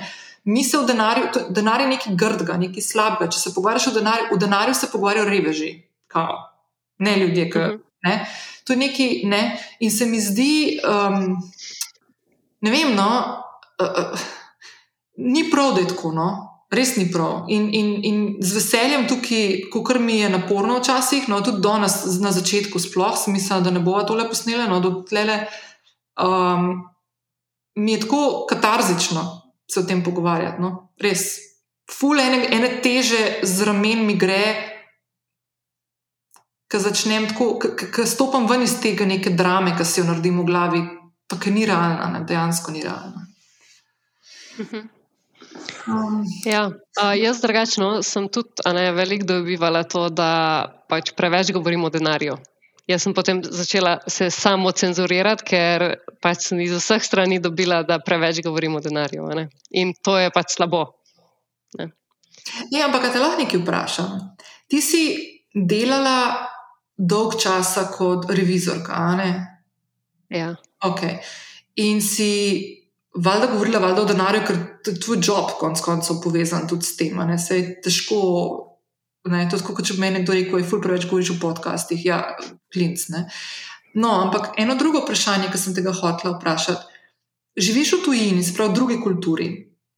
Um, delala si kot revizorka in delala si z veliko različnimi ljudmi, poslovneži, podjetniki, velikimi podjetji, ljudmi, ki so zaposleni v teh podjetjih, ki, ki, dela, ki upravljajo z denarjem podjetij in tako naprej. Um, a je to pri ljudeh, naprimer, ki imajo, da bi zelo fulbanalizirala. Nekdo, ki ima ful visoko plačo v neki tuji firmi, banki ali pa ne vem, korporaciji, so vse, ima res visoko plačo, ok, verjetno tudi živi v dragem mestu, bolj dragem, kot je Ljubljana ne? ali pa Slovenija, kako koli. Um, Imajo podobne težave, se s podobnimi stvarmi ukvarjajo. Je to neka taka stvar, ki se mogoče začne, se po mojem, že odgovor med lani, ki se začne uh, s tem, ko plezaš po neki lestvici plačilni, ne? da začne zginjati, ali v bistvu ustaja prisotna. Nek tak, nek tak odnos, ki ni zdrav. Um, ne, zdaj, jaz ne morem to komentirati, recimo za moje stranke, ne, ker jih nisem dovolj dobro poznala v takem smislu, hmm. da bi to vedela. Ne.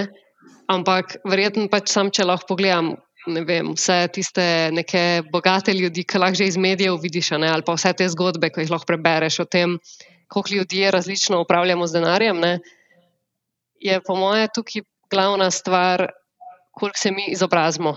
Da je to ena stvar, na kateri moramo delati, se pravi upravljanje denarja in psihologija denarja sta obe taki temi, ki verjetno ne, je odvisno od tega, kaj si ti se doma naučil najprej in kaj si se potem naprej skozi življenje priučil. In zdaj nekdo, ki pride. Um, pravijo, da pač v bogatih družinah se o tem pogovarjajo. No, da pač bogataši um, seveda vse naučijo svoje otroke in da je denar pač, ne bi rekla, zelo pomembna tema, ampak je tema, ki je del normalnih pogovorov, tako je, da ne vem, recimo, načeloma mama svojo hčero nauči kuhati, ja. tako starši naučijo svoje otroke upravljati z denarjem. Ja. To je neka normalna stvar. In pač potem, ko pa imaš ostale družine, pa če imaš ljudi, ki pa recimo so potem postali bogati, ne, pa lahko vidimo, da kako lahko eni vse izgubijo, ali pa vse porabijo, ali pa kako lahko nekateri zadržijo svoje bogatstvo. Ne, ker v bistvu to je tudi ena stvar, da pač kakršno koli premoženje, ne, ena stvar je, da ga pridobiš, druga pa je, da ga obdržiš.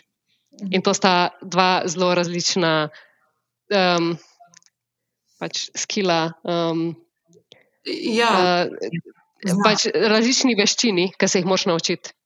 Ne, tako jaz vedno rečem, da sta pač vrševanje pa investiranje ali pa upravljanje denarja pa investiranje denarja različni uh, veščini. Ne, sta tudi to, da v bistvu ti pridobiš denar, ne, pa da pač imaš neke prihodke, po drugi strani pa tudi, da znaš s tem denarjem nekaj narediti. Ne. Ker pri nas imamo že tle, mislim, tle se ful vidi, da imamo v družbi problem, ker tudi ne ločimo, kaj je vrčevanje pa investiranje, to mi imamo kot isto zadevo, ne, naprimer. Um, ja. Veš, kaj zdaj razmišljam za nazaj? Ne? Veš, kaj si rekla, da v bogatih družinah se o tem pogovarjajo, to neki čisto neki normalni pogovori so, plus da od svoje otroke pač tudi učijo, ne? veščin, ki so, jih, ali, ali ki so jih podedovali po neki liniji družinski, ali pa ker so se jih naučili in ugotovili, da funkcionirajo ne? in so prenesli to na svoje otroke. Ne vsi, valjda, ampak ne tako. Zdaj, na primer, res razmišljam tako, ko se spomnim svojega otroštva. Ne? Jaz sem še tako full by the book. Um, Jaz sem, ko smo živeli v Ljubljani, uh, smo hodili tle v mestno hranilnico, sem imela uno svojo pika polonico od NLB-ja, pa sem dajala dinarčke noter, pa so pol mi ven potegnili, pa dal na hranilno knjižico, naprimer, niti nisem rekla, kaj to takrat je, valjda, sem premehna. Pol, naprimer, sem dobila neko uh, žepnino. Jaz sem, na, naprimer, jaz, pa ful mi je zanimivo, mi dve z Majo, prihajava sestro, prihajava iz iste družine, isto vzgoja. Ampak, naprimer, primer. Jaz sem tako se zapravila, Maja je, naprimer, na stran dajala. Tudi, ko smo dobili čokolado, enako veliko, jaz sem jo požrla v enem šusu, maja vsak dan en košček. In pa sem jaz nekaj kradla, no, mislim, sem tako kradla vsem nekaj, ne, valjda, sovitne, zdaj to. No, ampak hočem to povedati, ampak kaj je pol naslednja točka? Ne? Jaz sem pol tudi hodila, jaz sem zelo hitro začela delati poletne počitnice, sem služila svoj denar in tako naprej. Vsi nastavki učenja upravljanja z denarjem, nastavki, temelji so bili postavljeni pri meni. Ne moram reči, da to je tako bilo malo, hojladri. Ampak kaj se pol ni zgodil, je upravljanje z mano kot hčer, kot uh, odraščajoča oseba. Ki več kot očitno tega ni implementirala v svoje življenje, pa ni tega razumela. Ali pa, ali pa, a veš, tle se pa ustavil, ne?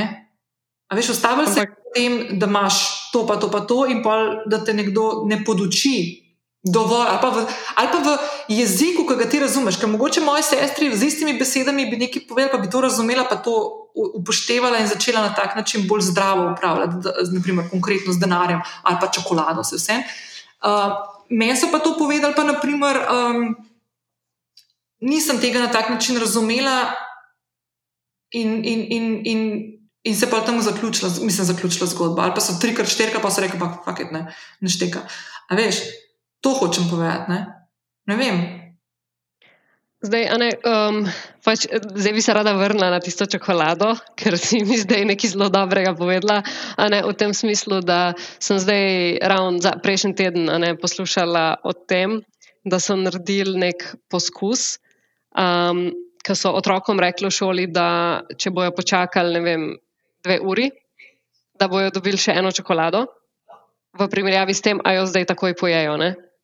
Pač se pravi, vsak otrok se je lahko odločil, ali bo počakal, ali bo zdaj pojedel čokolado. In ja. eni so jo pojedli, eni so počakali, ne, in da so lahko potem ugotovili, da tisti otroci, ki so uspeli počakati še na drugo čokolado, ja. so potem v odraslem življenju bolj upravljali uh, z denarjem. Verjamem. Ja. ja, to je to. Ne? To je ena stvar. Uh, mislim, da, bilo, da sem to pač eh, poslušala na podkastu tega uh, Morgana Hausla, ki je napisal Psychology of Money knjigo. Okay. Uh, mislim, da nimamo prevoda, ampak sva že govorila ne, o tej knjigi. Ja. No, um, pa, kaj ti govoriš o tej žepnini? Ja. Um, pač, ok, dobila si žepnino, ampak ti je kdo povedal, kakšne so tvoje možnosti s to žepnino? A veš, ker okay, če je Maja naravno vrčevala, a ne to mene spomne na to, da jaz sem tudi na nek način dost. Mm, ne, mi je bilo, meni je bolj v naravi, kaj mal več privrčevati, ko pa več porabiti. Ja. Ampak pač to je odvisno ne, od osebe, pa, pa pač je tudi odvisno, koliko moraš ti nekoga to naučiti. Ne. Se pravi, lahko sta vidve v isti družini, ampak ona je lahko sama po sebi to privrčevala. Ni nujno, da je bila naučena. Ne, ni nujno, Maja je taka bila ne, imajo to, uh -huh. je bila. Ni več, se mi zdi tako, tudi pri čokoladi. Ne vem, no. To se spremeni s časom. Vprašala. In bom vprašala naslednjič, ko pride, se bo ta teden snimala na podkastu. Ampak ne vem, mogoče še je taka. No. Ampak ja, je bila taka že kot otrok, naprimer, jaz pa ne. Jaz sem imela možnosti tako, ne, dobila, ne vem, če bi dobila 10 evrov na, na teden žepnino, naprimer, ne. kaj lahko s tem narediš. Um, ja, sigurno sem to dobila, ampak bolj je problem, ki ga jaz tukaj vidim v tem, Pa jaz zdaj fulno nočem tako izpasti, kako je treba z otroci, zato ker nima svojih otrok, nisem nikoli s tem, jaz sem samo otrok, nikoli nisem starš. Tako da nočem zdaj tukaj iz te pozicije pametovati. Ampak ena stvar, ki sem jo opazila, zdaj, ko tako razmišljam za nazaj, ne, tudi če mi je bilo to predano, kaj se da, da se lahko to da na banko, sigurno mi je bilo to predano, roko da mu ogen, da je bilo to sigurno. Ampak jaz tega pol nisem naredila. Sem šla po svoji poti, ne, ker sem se tako odločila. Zdaj lahko je bila to del šole, kao, no, se bo že naučila, pa se ni. Um, ali pa, naprimer, bi lahko obrali drugačno taktiko, pa jim, naprimer, niso. Ne, ne vem, a veš. Ne vem, kaj je primer. Jaz ne vem, kako bi meni možgani funkcionirali, če bi bila stara 18 let. In bi moj oče meni rekel, veš, ni na obstaja obrestno-obrestni račun, v katerem je najpomembnejša spremljivka tvoj čas. In če boš do 26. leta vsak, vsak mesec na tvoj račun na banko daja, oziroma v investiranje dajala 100 evrov na mesec, kot si mi ti zanč pokazala, unga fantiča, a nekaj šest let dajo, pa je 19 tisoč evrov, koliko je dal na stran, je pri 60-ih vam potegnil, ne vem, koliko 250 evrov. Ne? In če danes jaz začnem to delati, njega ne bom nikoli ujela, tega fanta pri 18 letih, ki je to delal 6 let. Ne? A veš, če bi meni takrat na tak način razlagali, ne vem, mogoče bi pa drugače gledala na to.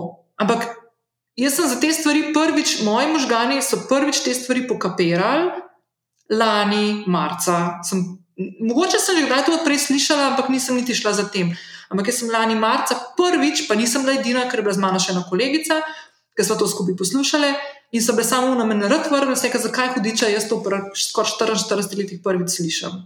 In zdaj se lahko to, kdorkoli sliši, da sem mona, tudi prav, ampak To je realnost. Ne? Kruta realnost na koncu tega je, da greš skozi življenje z nekimi svojimi bitkami, izzivi, fokusiranjem na neke stvari in grejo te stvari mimo tebe. Če se ne znaš postaviti osnov, ki jih jaz nisem imela postavljenih, tudi teh stvari ne boš razumel, pa slišal, tudi ko jih slišiš. Ali pa jih boš takrat, ko si mislil, ok, zdaj pa vsega že konc, too late. A veš, ne, ne vem. Meni, meni, so, meni je to ful fascinantno, naprimer, se zdaj pogovarjati s tabo zadnje leto, zato ker se mi zdi, da določene stvari.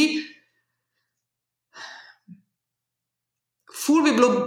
Jaz sem prepričana, da če bi se s tabo spoznala pred ma, dvema, petimi, desetimi leti, pa da bi te stvari začela takrat delati, bi bile jaz danes čist druge, kot sem zdaj. Pa ne mislim na slabega, jaz ne mislim, da sem zdaj na slabem. Sploh ne gre za to. Ampak ful mi je žal za vsak trenutek, ki nisem teh znanj, ki jih imam danes, imela prej. No.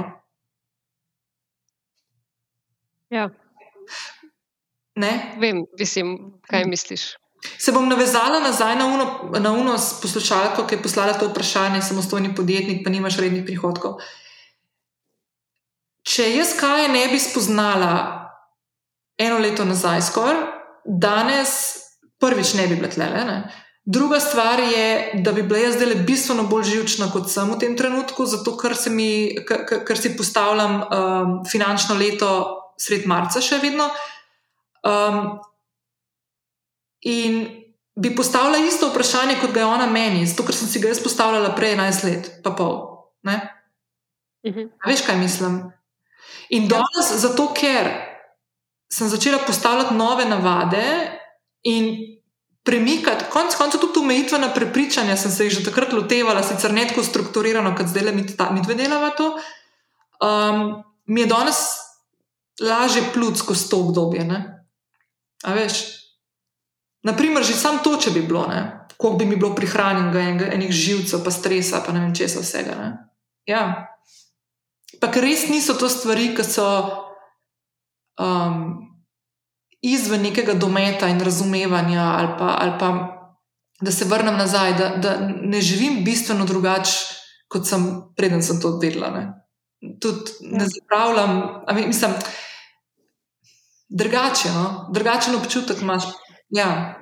Mislim, jaz, ne, da ne bo pomote, jaz mislim tukaj, da ti živiš zelo drugače, ampak sam v tem smislu, v bistvu, vem, jaz mislim, da si ti en moj zelo lep primer, šolski primer tega, koliko lahko nekdo porabi denar za stvari, ki mu niso pomembne. In koliko si v bistvu ti vsta balast, vse te stvari, ki si jih kupila, ki si jih kupila samo zato, ne vem, mogoče, kot je bilo malo dolg čas, pa si šla malo pogledati ne, na neke stvari in si si nekaj kupila, da si v bistvu to stran dala. In zdaj si kupiš stvari, ki so ti pomembne in ki ti v življenju prinašajo vrednost v tem trenutku, hkrati pa del, delaš z razliko denarja nekaj, kar veš, da ti bo prinašal vrednost dolgoročno. Lahko samo eno stvar. Prej, ko sem govorila o tisti čokoladi, kako sem jaz takoj pojedla, ali pa kako sem takoj zapravila 10 evrov. In zdaj, kar si povedala, ne? da jaz, na primer, by the way, tudi ne kopičam stvari. Jaz te stvari, ki ne bi jih kupovala, ta balast, ki ne bi bil nepomemben, jaz ga nimam doma. Jaz ne vem, kam je šlo. Resno, ne, pa ne mislim, da sem tako stresala, kaj še z denarjem. Ne gre za to. Gre za to, da so šle stvari, ne vem, pijačke, zunaj uh, se dobiva, uno, ne vem, cunje, ki so prerasle, ki mi niso več všeč, pa sem jih stran dala. Ne vem, ne vem, kje je to. Nimam, jaz nimam gore torbic uh, dizajnerskih doma ali pa čevljev ali pa ne vem. Nima, a veš, nimam neke take.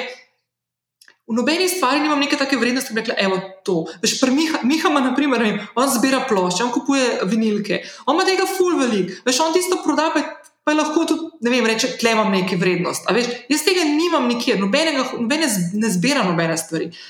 Ampak zdaj, ne, kar rečeš, je, je šlo za izpolnjevanje nekih tistih manjkov takrat. Jaz sem občutil, da sem že to kot otrok delala. A veš?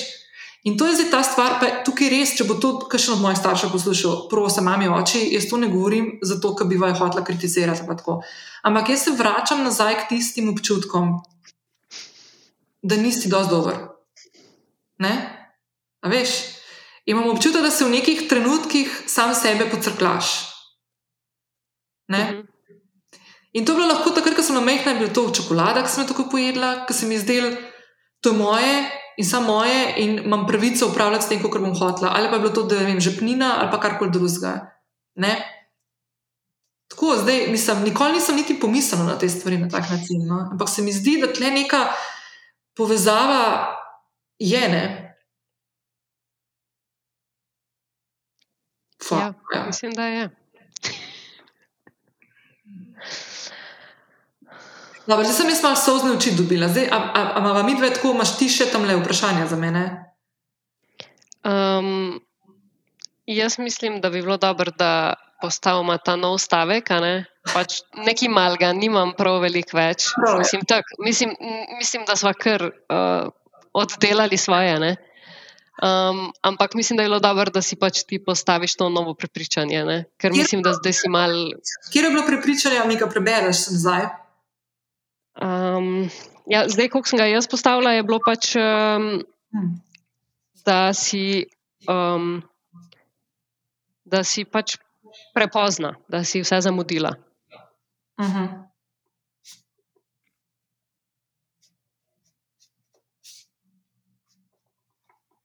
Pač to je bilo eno, drugo je pa bilo, da nisem dobro z upravljanjem denarja. Ne? Kar je bilo, ne, tvoja največja frustracija, je, da tega nisi vedela, pač teh stvari prej.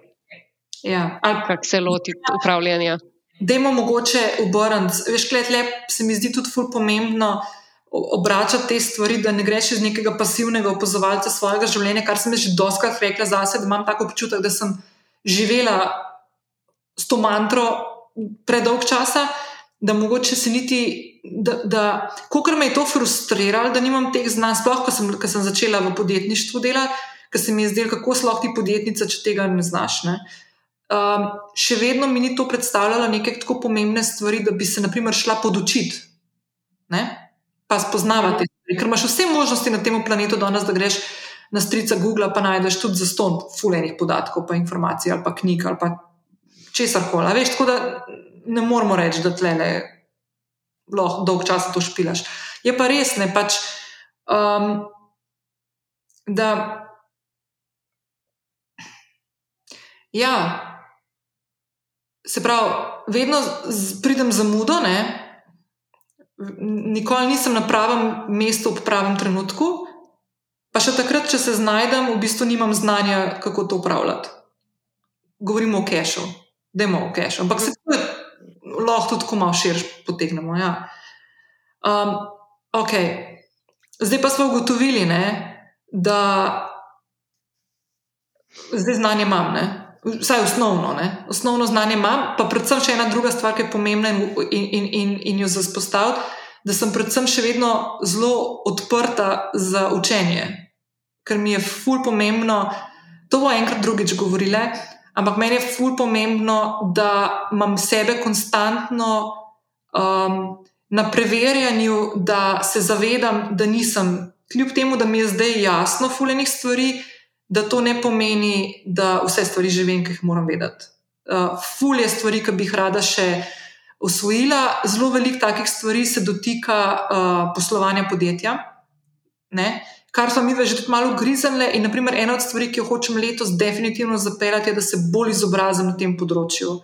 Uh, zato, da bom lahko sprejemala boljše odločitve za sebe in za svoje podjetje, ki bojo najbolj optimalne uh, za me in za moje podjetje. Ne? Um, ja. To, kar pomeni, ne, da ker bom to počela, zdaj pravim, malo zavedam, ker to bom počela in ker to sicer že počnem tudi, da ne bom zaradi tega prepozna. Um, ne. Hm. Hm. Mogoče bom obrnila okrog. Ne. Jaz sem postala v zadnjih mesecih, odkar s tabo delam, predvsem odkar s tabo delam, sem dobila, dobila občutek, da sem akter v svojem življenju, da imam pod nadzorom, pod, da vidim, kaj se dogaja okrog mene da upravljam te stvari s svojimi odločitvami, um, s svojimi postavljanji ciljev in s tem, da sem iskrena do sebe. Um, in poštena do sebe, in, in, in vidim napredek. In da, in, in, in da, sem, da, zve, da se držim teh stvari, ki sem jih sama sebi rekla, da jih bom počela.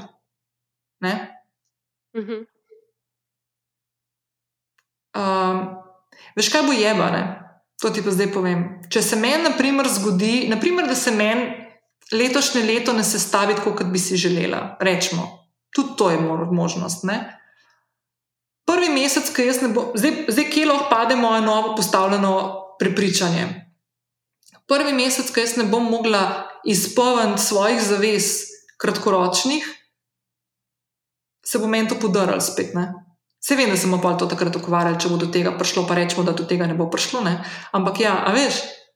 Ampak to si mi zdaj že, o tem mi že zdaj govoriš nekaj časa. Ne? Ne? To je. To, to, kaj, ko je.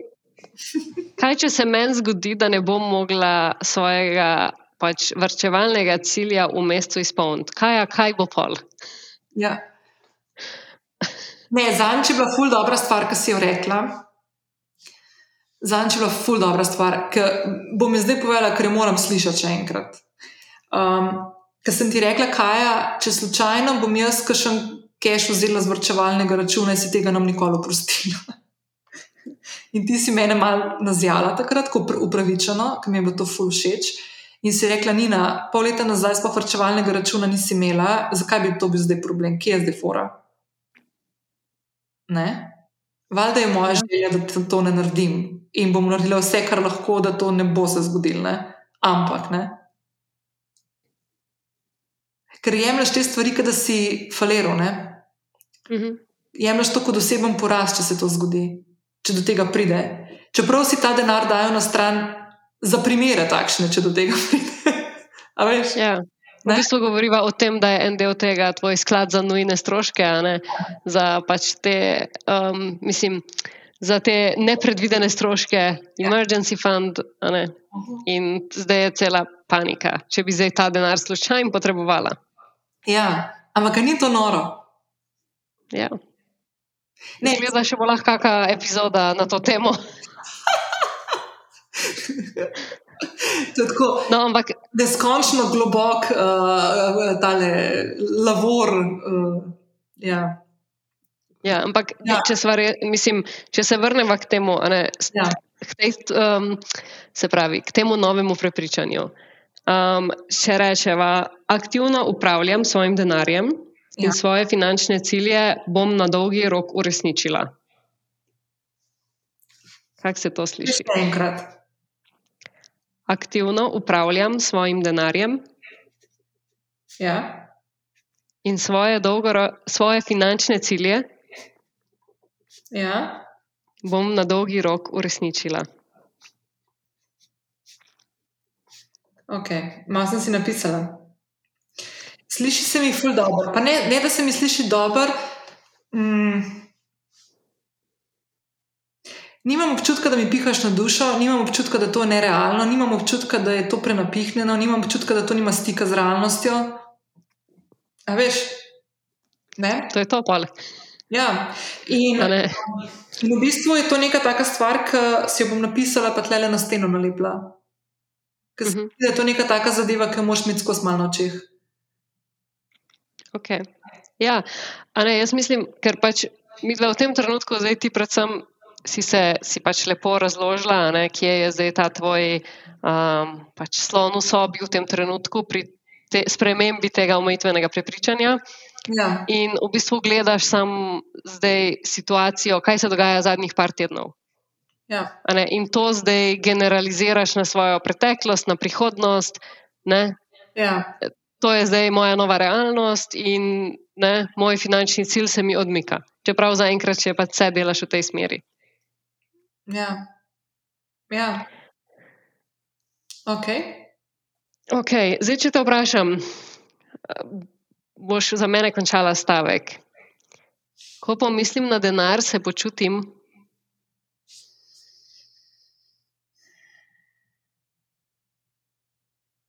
Opolnomočeno.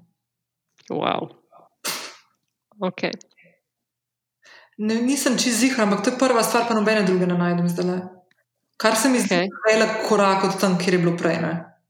Demo biti. Ja. Ja. Hotela sem reči mirno, ampak bi, to se mi ne zdi tako močno, kot je polnomočeno. Mislim, se mi zdi malo pofejkano, glede na to, da trenutno sem kar malo pod stresom. Ampak uh mhm. -huh. polnomočeno je pa. Veš zakaj? Zato, ker Vzpostavitev zdravih navad spremljanja in upravljanja s financami, z denarjem v zadnjih mesecih je meni naredilo občutek opolnomočenosti in to meni drži. Še vedno, kljub temu, da imam občutek zdaj, da se mi stvari ne, spel, ne pelejo tako, kot bi si želela. A veš, uh mhm. -huh. zaradi tega. Razumem, ja. Kar je v bistvu ful hudo spoznanje, to ne morem zdaj reči. No. Ne? ne, mislim, ja, da, te neka ja. stvar, aha, da te neka stvar ful bolj drži. Um, Uh, pardon, temu zvokcu, ki je koledar za cinglo. Um, ja, da te neka taka stvar, kljub temu, da imaš ups and downs v življenju, ful bolj drži. To, to so te vzpostav, vzpostavljene močne navade. Uh mhm. -huh. Presežejo to, kako se momentalno počutiš. Ne? In se nisem tega zdaj zavedala, le. Ful zanimiv. Okay. Ja. Ne, zdaj, če pa hočemo ta občutek obdržati, ne, je pa zdaj pač recimo neka ena stvar, ki jo moraš ti narediti vsak teden. Ne. Se pravi, kaj, kaj je ena stvar, ki bi jo ti lahko naredila na tedenski ravni, da boš ostala opolnomočena? Hmm. Mislim, zdaj, lahko ti dam ene par idej. Zdaj, kaj bi jaz rekla? Ne? Kaj bi lahko naredila. Zdaj, ena stvar je, da pač beležiš, pa analiziraš prihodke, pa stroške. To sem hotel reči, ampak to jaz delam dnevno. Ne? Kar ti delaš. Tako da mogoče bi bilo dobro, da še imaš kaj drugega. Potem, ja. zdaj, naslednja stvar bi lahko bila, da pripraviš svoj budžet, kar ti delaš. Ja. Potem, da imaš finančne cilje jasne, kar, delam, prav, kar ti delaš. Da konc leta pogledaš, kaj si počela z denarjem v preteklem letu, to smo naredili. To bo vam. Um, ja. Um, se pravi, zdaj ne vem, ok, pol je pa še ene par stvari, ki bi jih rekla, pa, pač, da recimo prebereš nekaj o denarju na tedenski ravni, recimo en članek. Okay. Da, da se z nekom pogovarjaš o denarju, ki pač recimo, da to nisem jaz, ne, se pravi, da je nek part, s partnerjem, se pravi, s Mihom ali pa s prijatelji. Ampak, aloha, ena stvar. Veš, kaj pa ti mora, vse to sem tebi že povedala, ampak to pa jaz delam. Ne? Jaz sem opazila, odkar mi dve delava, da jaz lahko govorim o denarju, da znamo besedati stvari, uh, ta dobre in takrat, ko mogoče ne gre po planih.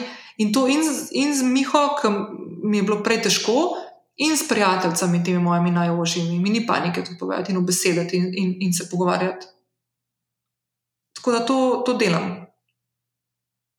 Uh, članek pa to mi je super, z veseljem, ampak to najbrž nimaš v mislih teh člankov, kako banke propadajo.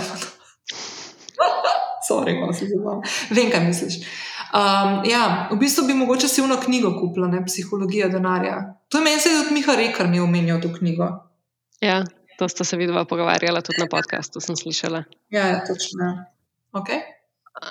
Ja, no, pol ena stvar bi še pa bila, ne, se pravi, da pač investiraš v strokovnjaka, ki ti pa pomaga ne, pri upravljanju osebnih financ. Dobro, to je Tako da, jaz mislim, da ne, ti imaš cel seznam poklukan, edina stvar, ki jo še lahko narediš, je kaj prebereš, pa ja, mogoče ne o propadanju bank, pa o nakupu bank. Ja, ali pa da nam prebrala, kje je, da je dobro zdaj v kripto vložiti, bom dala v skeš, ki je na vrčevalnem računu v kripto. Naprimer. Um, ja. Emergency fund v ja. kripto. Ja, to je to. Ne, um, ja, jaz mislim, da te stvari kar počnem. Mislim, če naredim tako en tak bottom line ne, današnjega pogovora in spoznam, da v bistvu ugotovila sem spet znova, ne, koliko stvari iz otroštva prenesemo. Tud, to to bom zdaj ponovila v čokolado. Pa, pa to zapolnjevanje nekih vrzeli, ki jih imaš v življenju. Ne. Mal tudi zato, ker imaš občutek, da se moraš malo pocrkljati. Uh mhm. -huh. To. Um, druga stvar, drugo ključno spoznanje je, kar je bilo v bistvu pričakovano, ker to je fora umetvenih prepričanj, da so nerealna, ne? tako kot si ti na začetku razložila. Tako da v bistvu niti ni to presenečenje, da, kolikor imam jaz občutek, da trenutno ne grem po nekih planih, ne? se teh kratkoročnih, rečemo teh iz dneva v dan ali pa iz meseca v mesec obvladljivih stvari še vedno ful držim, ne? Da mi težavo dela dolgoročen cilj, ki sem si ga postavila, in da me frustrira prvič v življenju ta stvar drugače kot prej, zato ker imam zdaj cilj postavljen, ki ga prej nikoli nisem imela. Um, pa to ne, zdaj na koncu, kaj si rekla, kaj lahko naredim, sem ful vesela, da jaz večino stvari delam. Kar pomeni, da nisem zadnji da nekaj ne bi vedela. A veš, v bistvu. Zelo lepo si zdaj to zaključila. No? V bistvu, da, a veš, da sploh, ko sem pač pogledala ta seznam, ko sem si naredila ta seznam, kaj lahko naredimo, sploh nisem šla za tebe ga kljukati. Ampak, ko sem gledala seznam, sem si rekla, ok, ne, mislim, sej pač kaj zdaj, Nina lahko en članek prebere, ok, kul. Cool. Tako da um, se mi zdi vse skupaj pač res dobra stvar, je pa ta stvar s tem dolgoročnim ciljem. Mislim, da to imamo vsi isti problem. Ne? In vsi, vsem se nam zdi, da bi se to mogli zdaj kar zgoditi. Ti si si dolgoročen cilj postavila, konc koncev, manj kot eno leto nazaj, ne? in zdaj je pač že vse narobe, da se ni uresničil. Ne, dej, ne, mi pa govorimo. Ne, da je reči iskreno, mi da so te dolgoročne cilje pa to postavljali, po mojem, da je med koncem oktobra, začetek novembra. Ne? Leta 2022. Okay. Okay? Pa ne gre za to, da bi bil uresničljiv. Veš, kaj je fora pri meni? Mislim, točka ena je, da jaz nimam nikjer stanovanja nobenega ogledanga, da jim začeti tam, ne. Prav, najprej. Ne.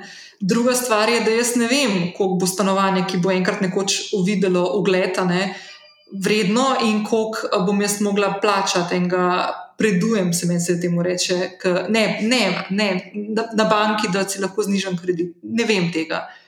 Um, Tretja stvar, ki je, je, da ne vem, kdaj se bo to zgodilo. In tle me frustrira stvar v osnovi, ker jaz sem človek, ki sem navajena imeti neke časovnice, a veš, nek proces, ta teden ali pa ta mesec ali pa ta to leto, ali pa veš, nekaj, tle pa tega ni. In a, z vidika upravljanja s cilji imam jaz le težavo, ker ta cilj nekje je, ampak ni umeščen nikamor, na neko premico. Ne? A veš? Uh -huh. Tako da čistko mogoče za foro. No, um, za foro um, tako da veš, kaj sem jaz razmišljala zdaj, kaj je. Ampak to ti povej, če se ti zdi smiselno. Da mogoče, ko se lotevaš tega postavljanja nekih ciljev, ne, da je vedno, mogoče bilo to, veš, kaj si rekla, da vsi imamo s tem težave. Jaz se zdaj prvič s tem srečujem, ker sem si prvič v življenju cilj postavila. Ful bi bilo fajn, tako stvar, tako malo dobiti, a veš, tako, hej, samo to, da se zavedaš. Sej, dok, zdaj stle hočem hermetično zapreti razočaranje v življenju. ampak, a veš, lej, lahko se ti zgodi, da stvari ne bojo šle po planih, ampak to ne pomeni, da, si, da ni ok. Ne? A veš, kaj mislim? Ampak spet, ne, mislim. Um, tvoj plan ni bil, da kupiš stanovanje v 2023 ali pa v januar do marec 2023, tako da spet nisi tam, da stvari ne bojo šle po planih. Ja, ja. Ne, zato, ker, kar jaz razumem, pač je neka določena dinamika, ne, in mi dve, pač jaz velik strankam, pač recimo damo neko določeno obdobje, v petih letih to, v desetih to, v dvajsetih to, ne, v tem smislu in ja. cilj finančno vrednotimo. Ampak Ne, mi dve nismo zdaj tega znali postaviti časovno. Zato, ne, ker nismo mogli, vse je ne mogoče v tem trenutku, valjda. Se to gre za nekaj neracionalnega. Ne gre za finance. V bistvu ne gre za finance. Ker ja. ne, jaz to postavljam finančno strankam, pred tebi so dejavniki, ki niso povezani s financami. Ja. In ker ti dejavniki niso povezani s financami, ne, jih mi dve ne moramo nekako pač ja. umestiti v tem trenutku. Ja pismo, a pa bi jih mogle. A se jih da? Ja, pač to je ta odgovor, imaš ti, ne? ampak bova, mislim, da vemo, da se zdaj moramo vrniti nazaj na finančni plan. No? Ker vidim, ja. da te to zelo muči, ja. da greva nazaj tja. Greva nazaj tja. Dobro, to je to. Ampak sem vesela, tole danes mi je full um, blokul. Super. Ja. Jaz nisem bila tako zelo izpostavljena, tako da sem vesela, da je te po redu, ker si ti mogla malo bolj um, deliti ne, take stvari. Ampak še kakšno stvar zapovedati v zvezi s tem? Ne.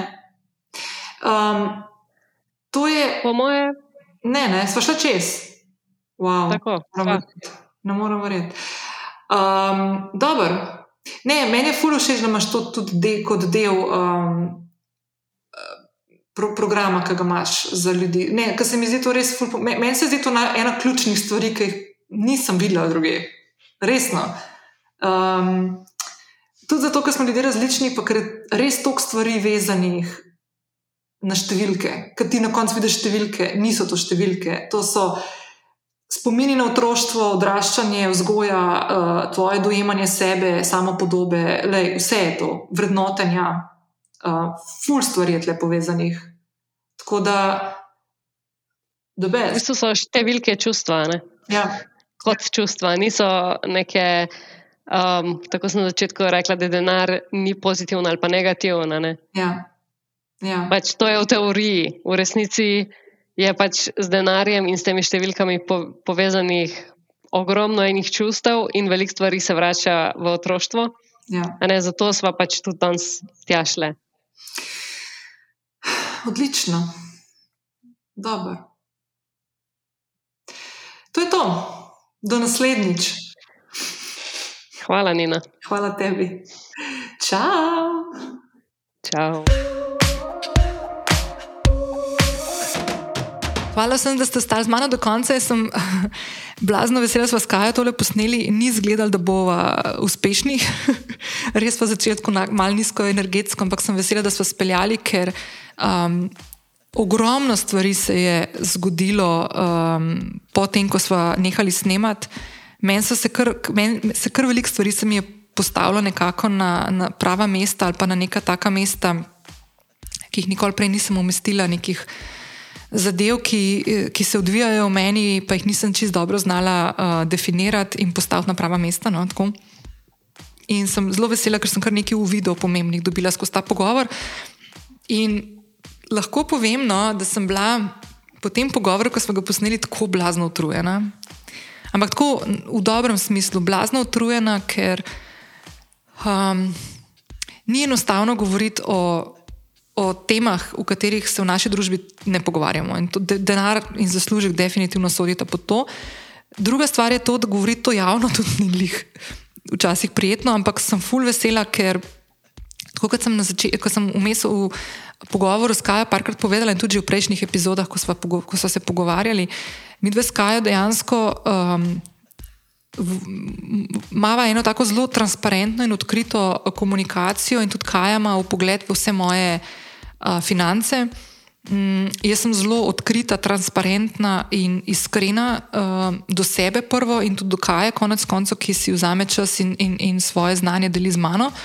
In me uči boljšega upravljanja mojih financ, osebnih in poslovnih.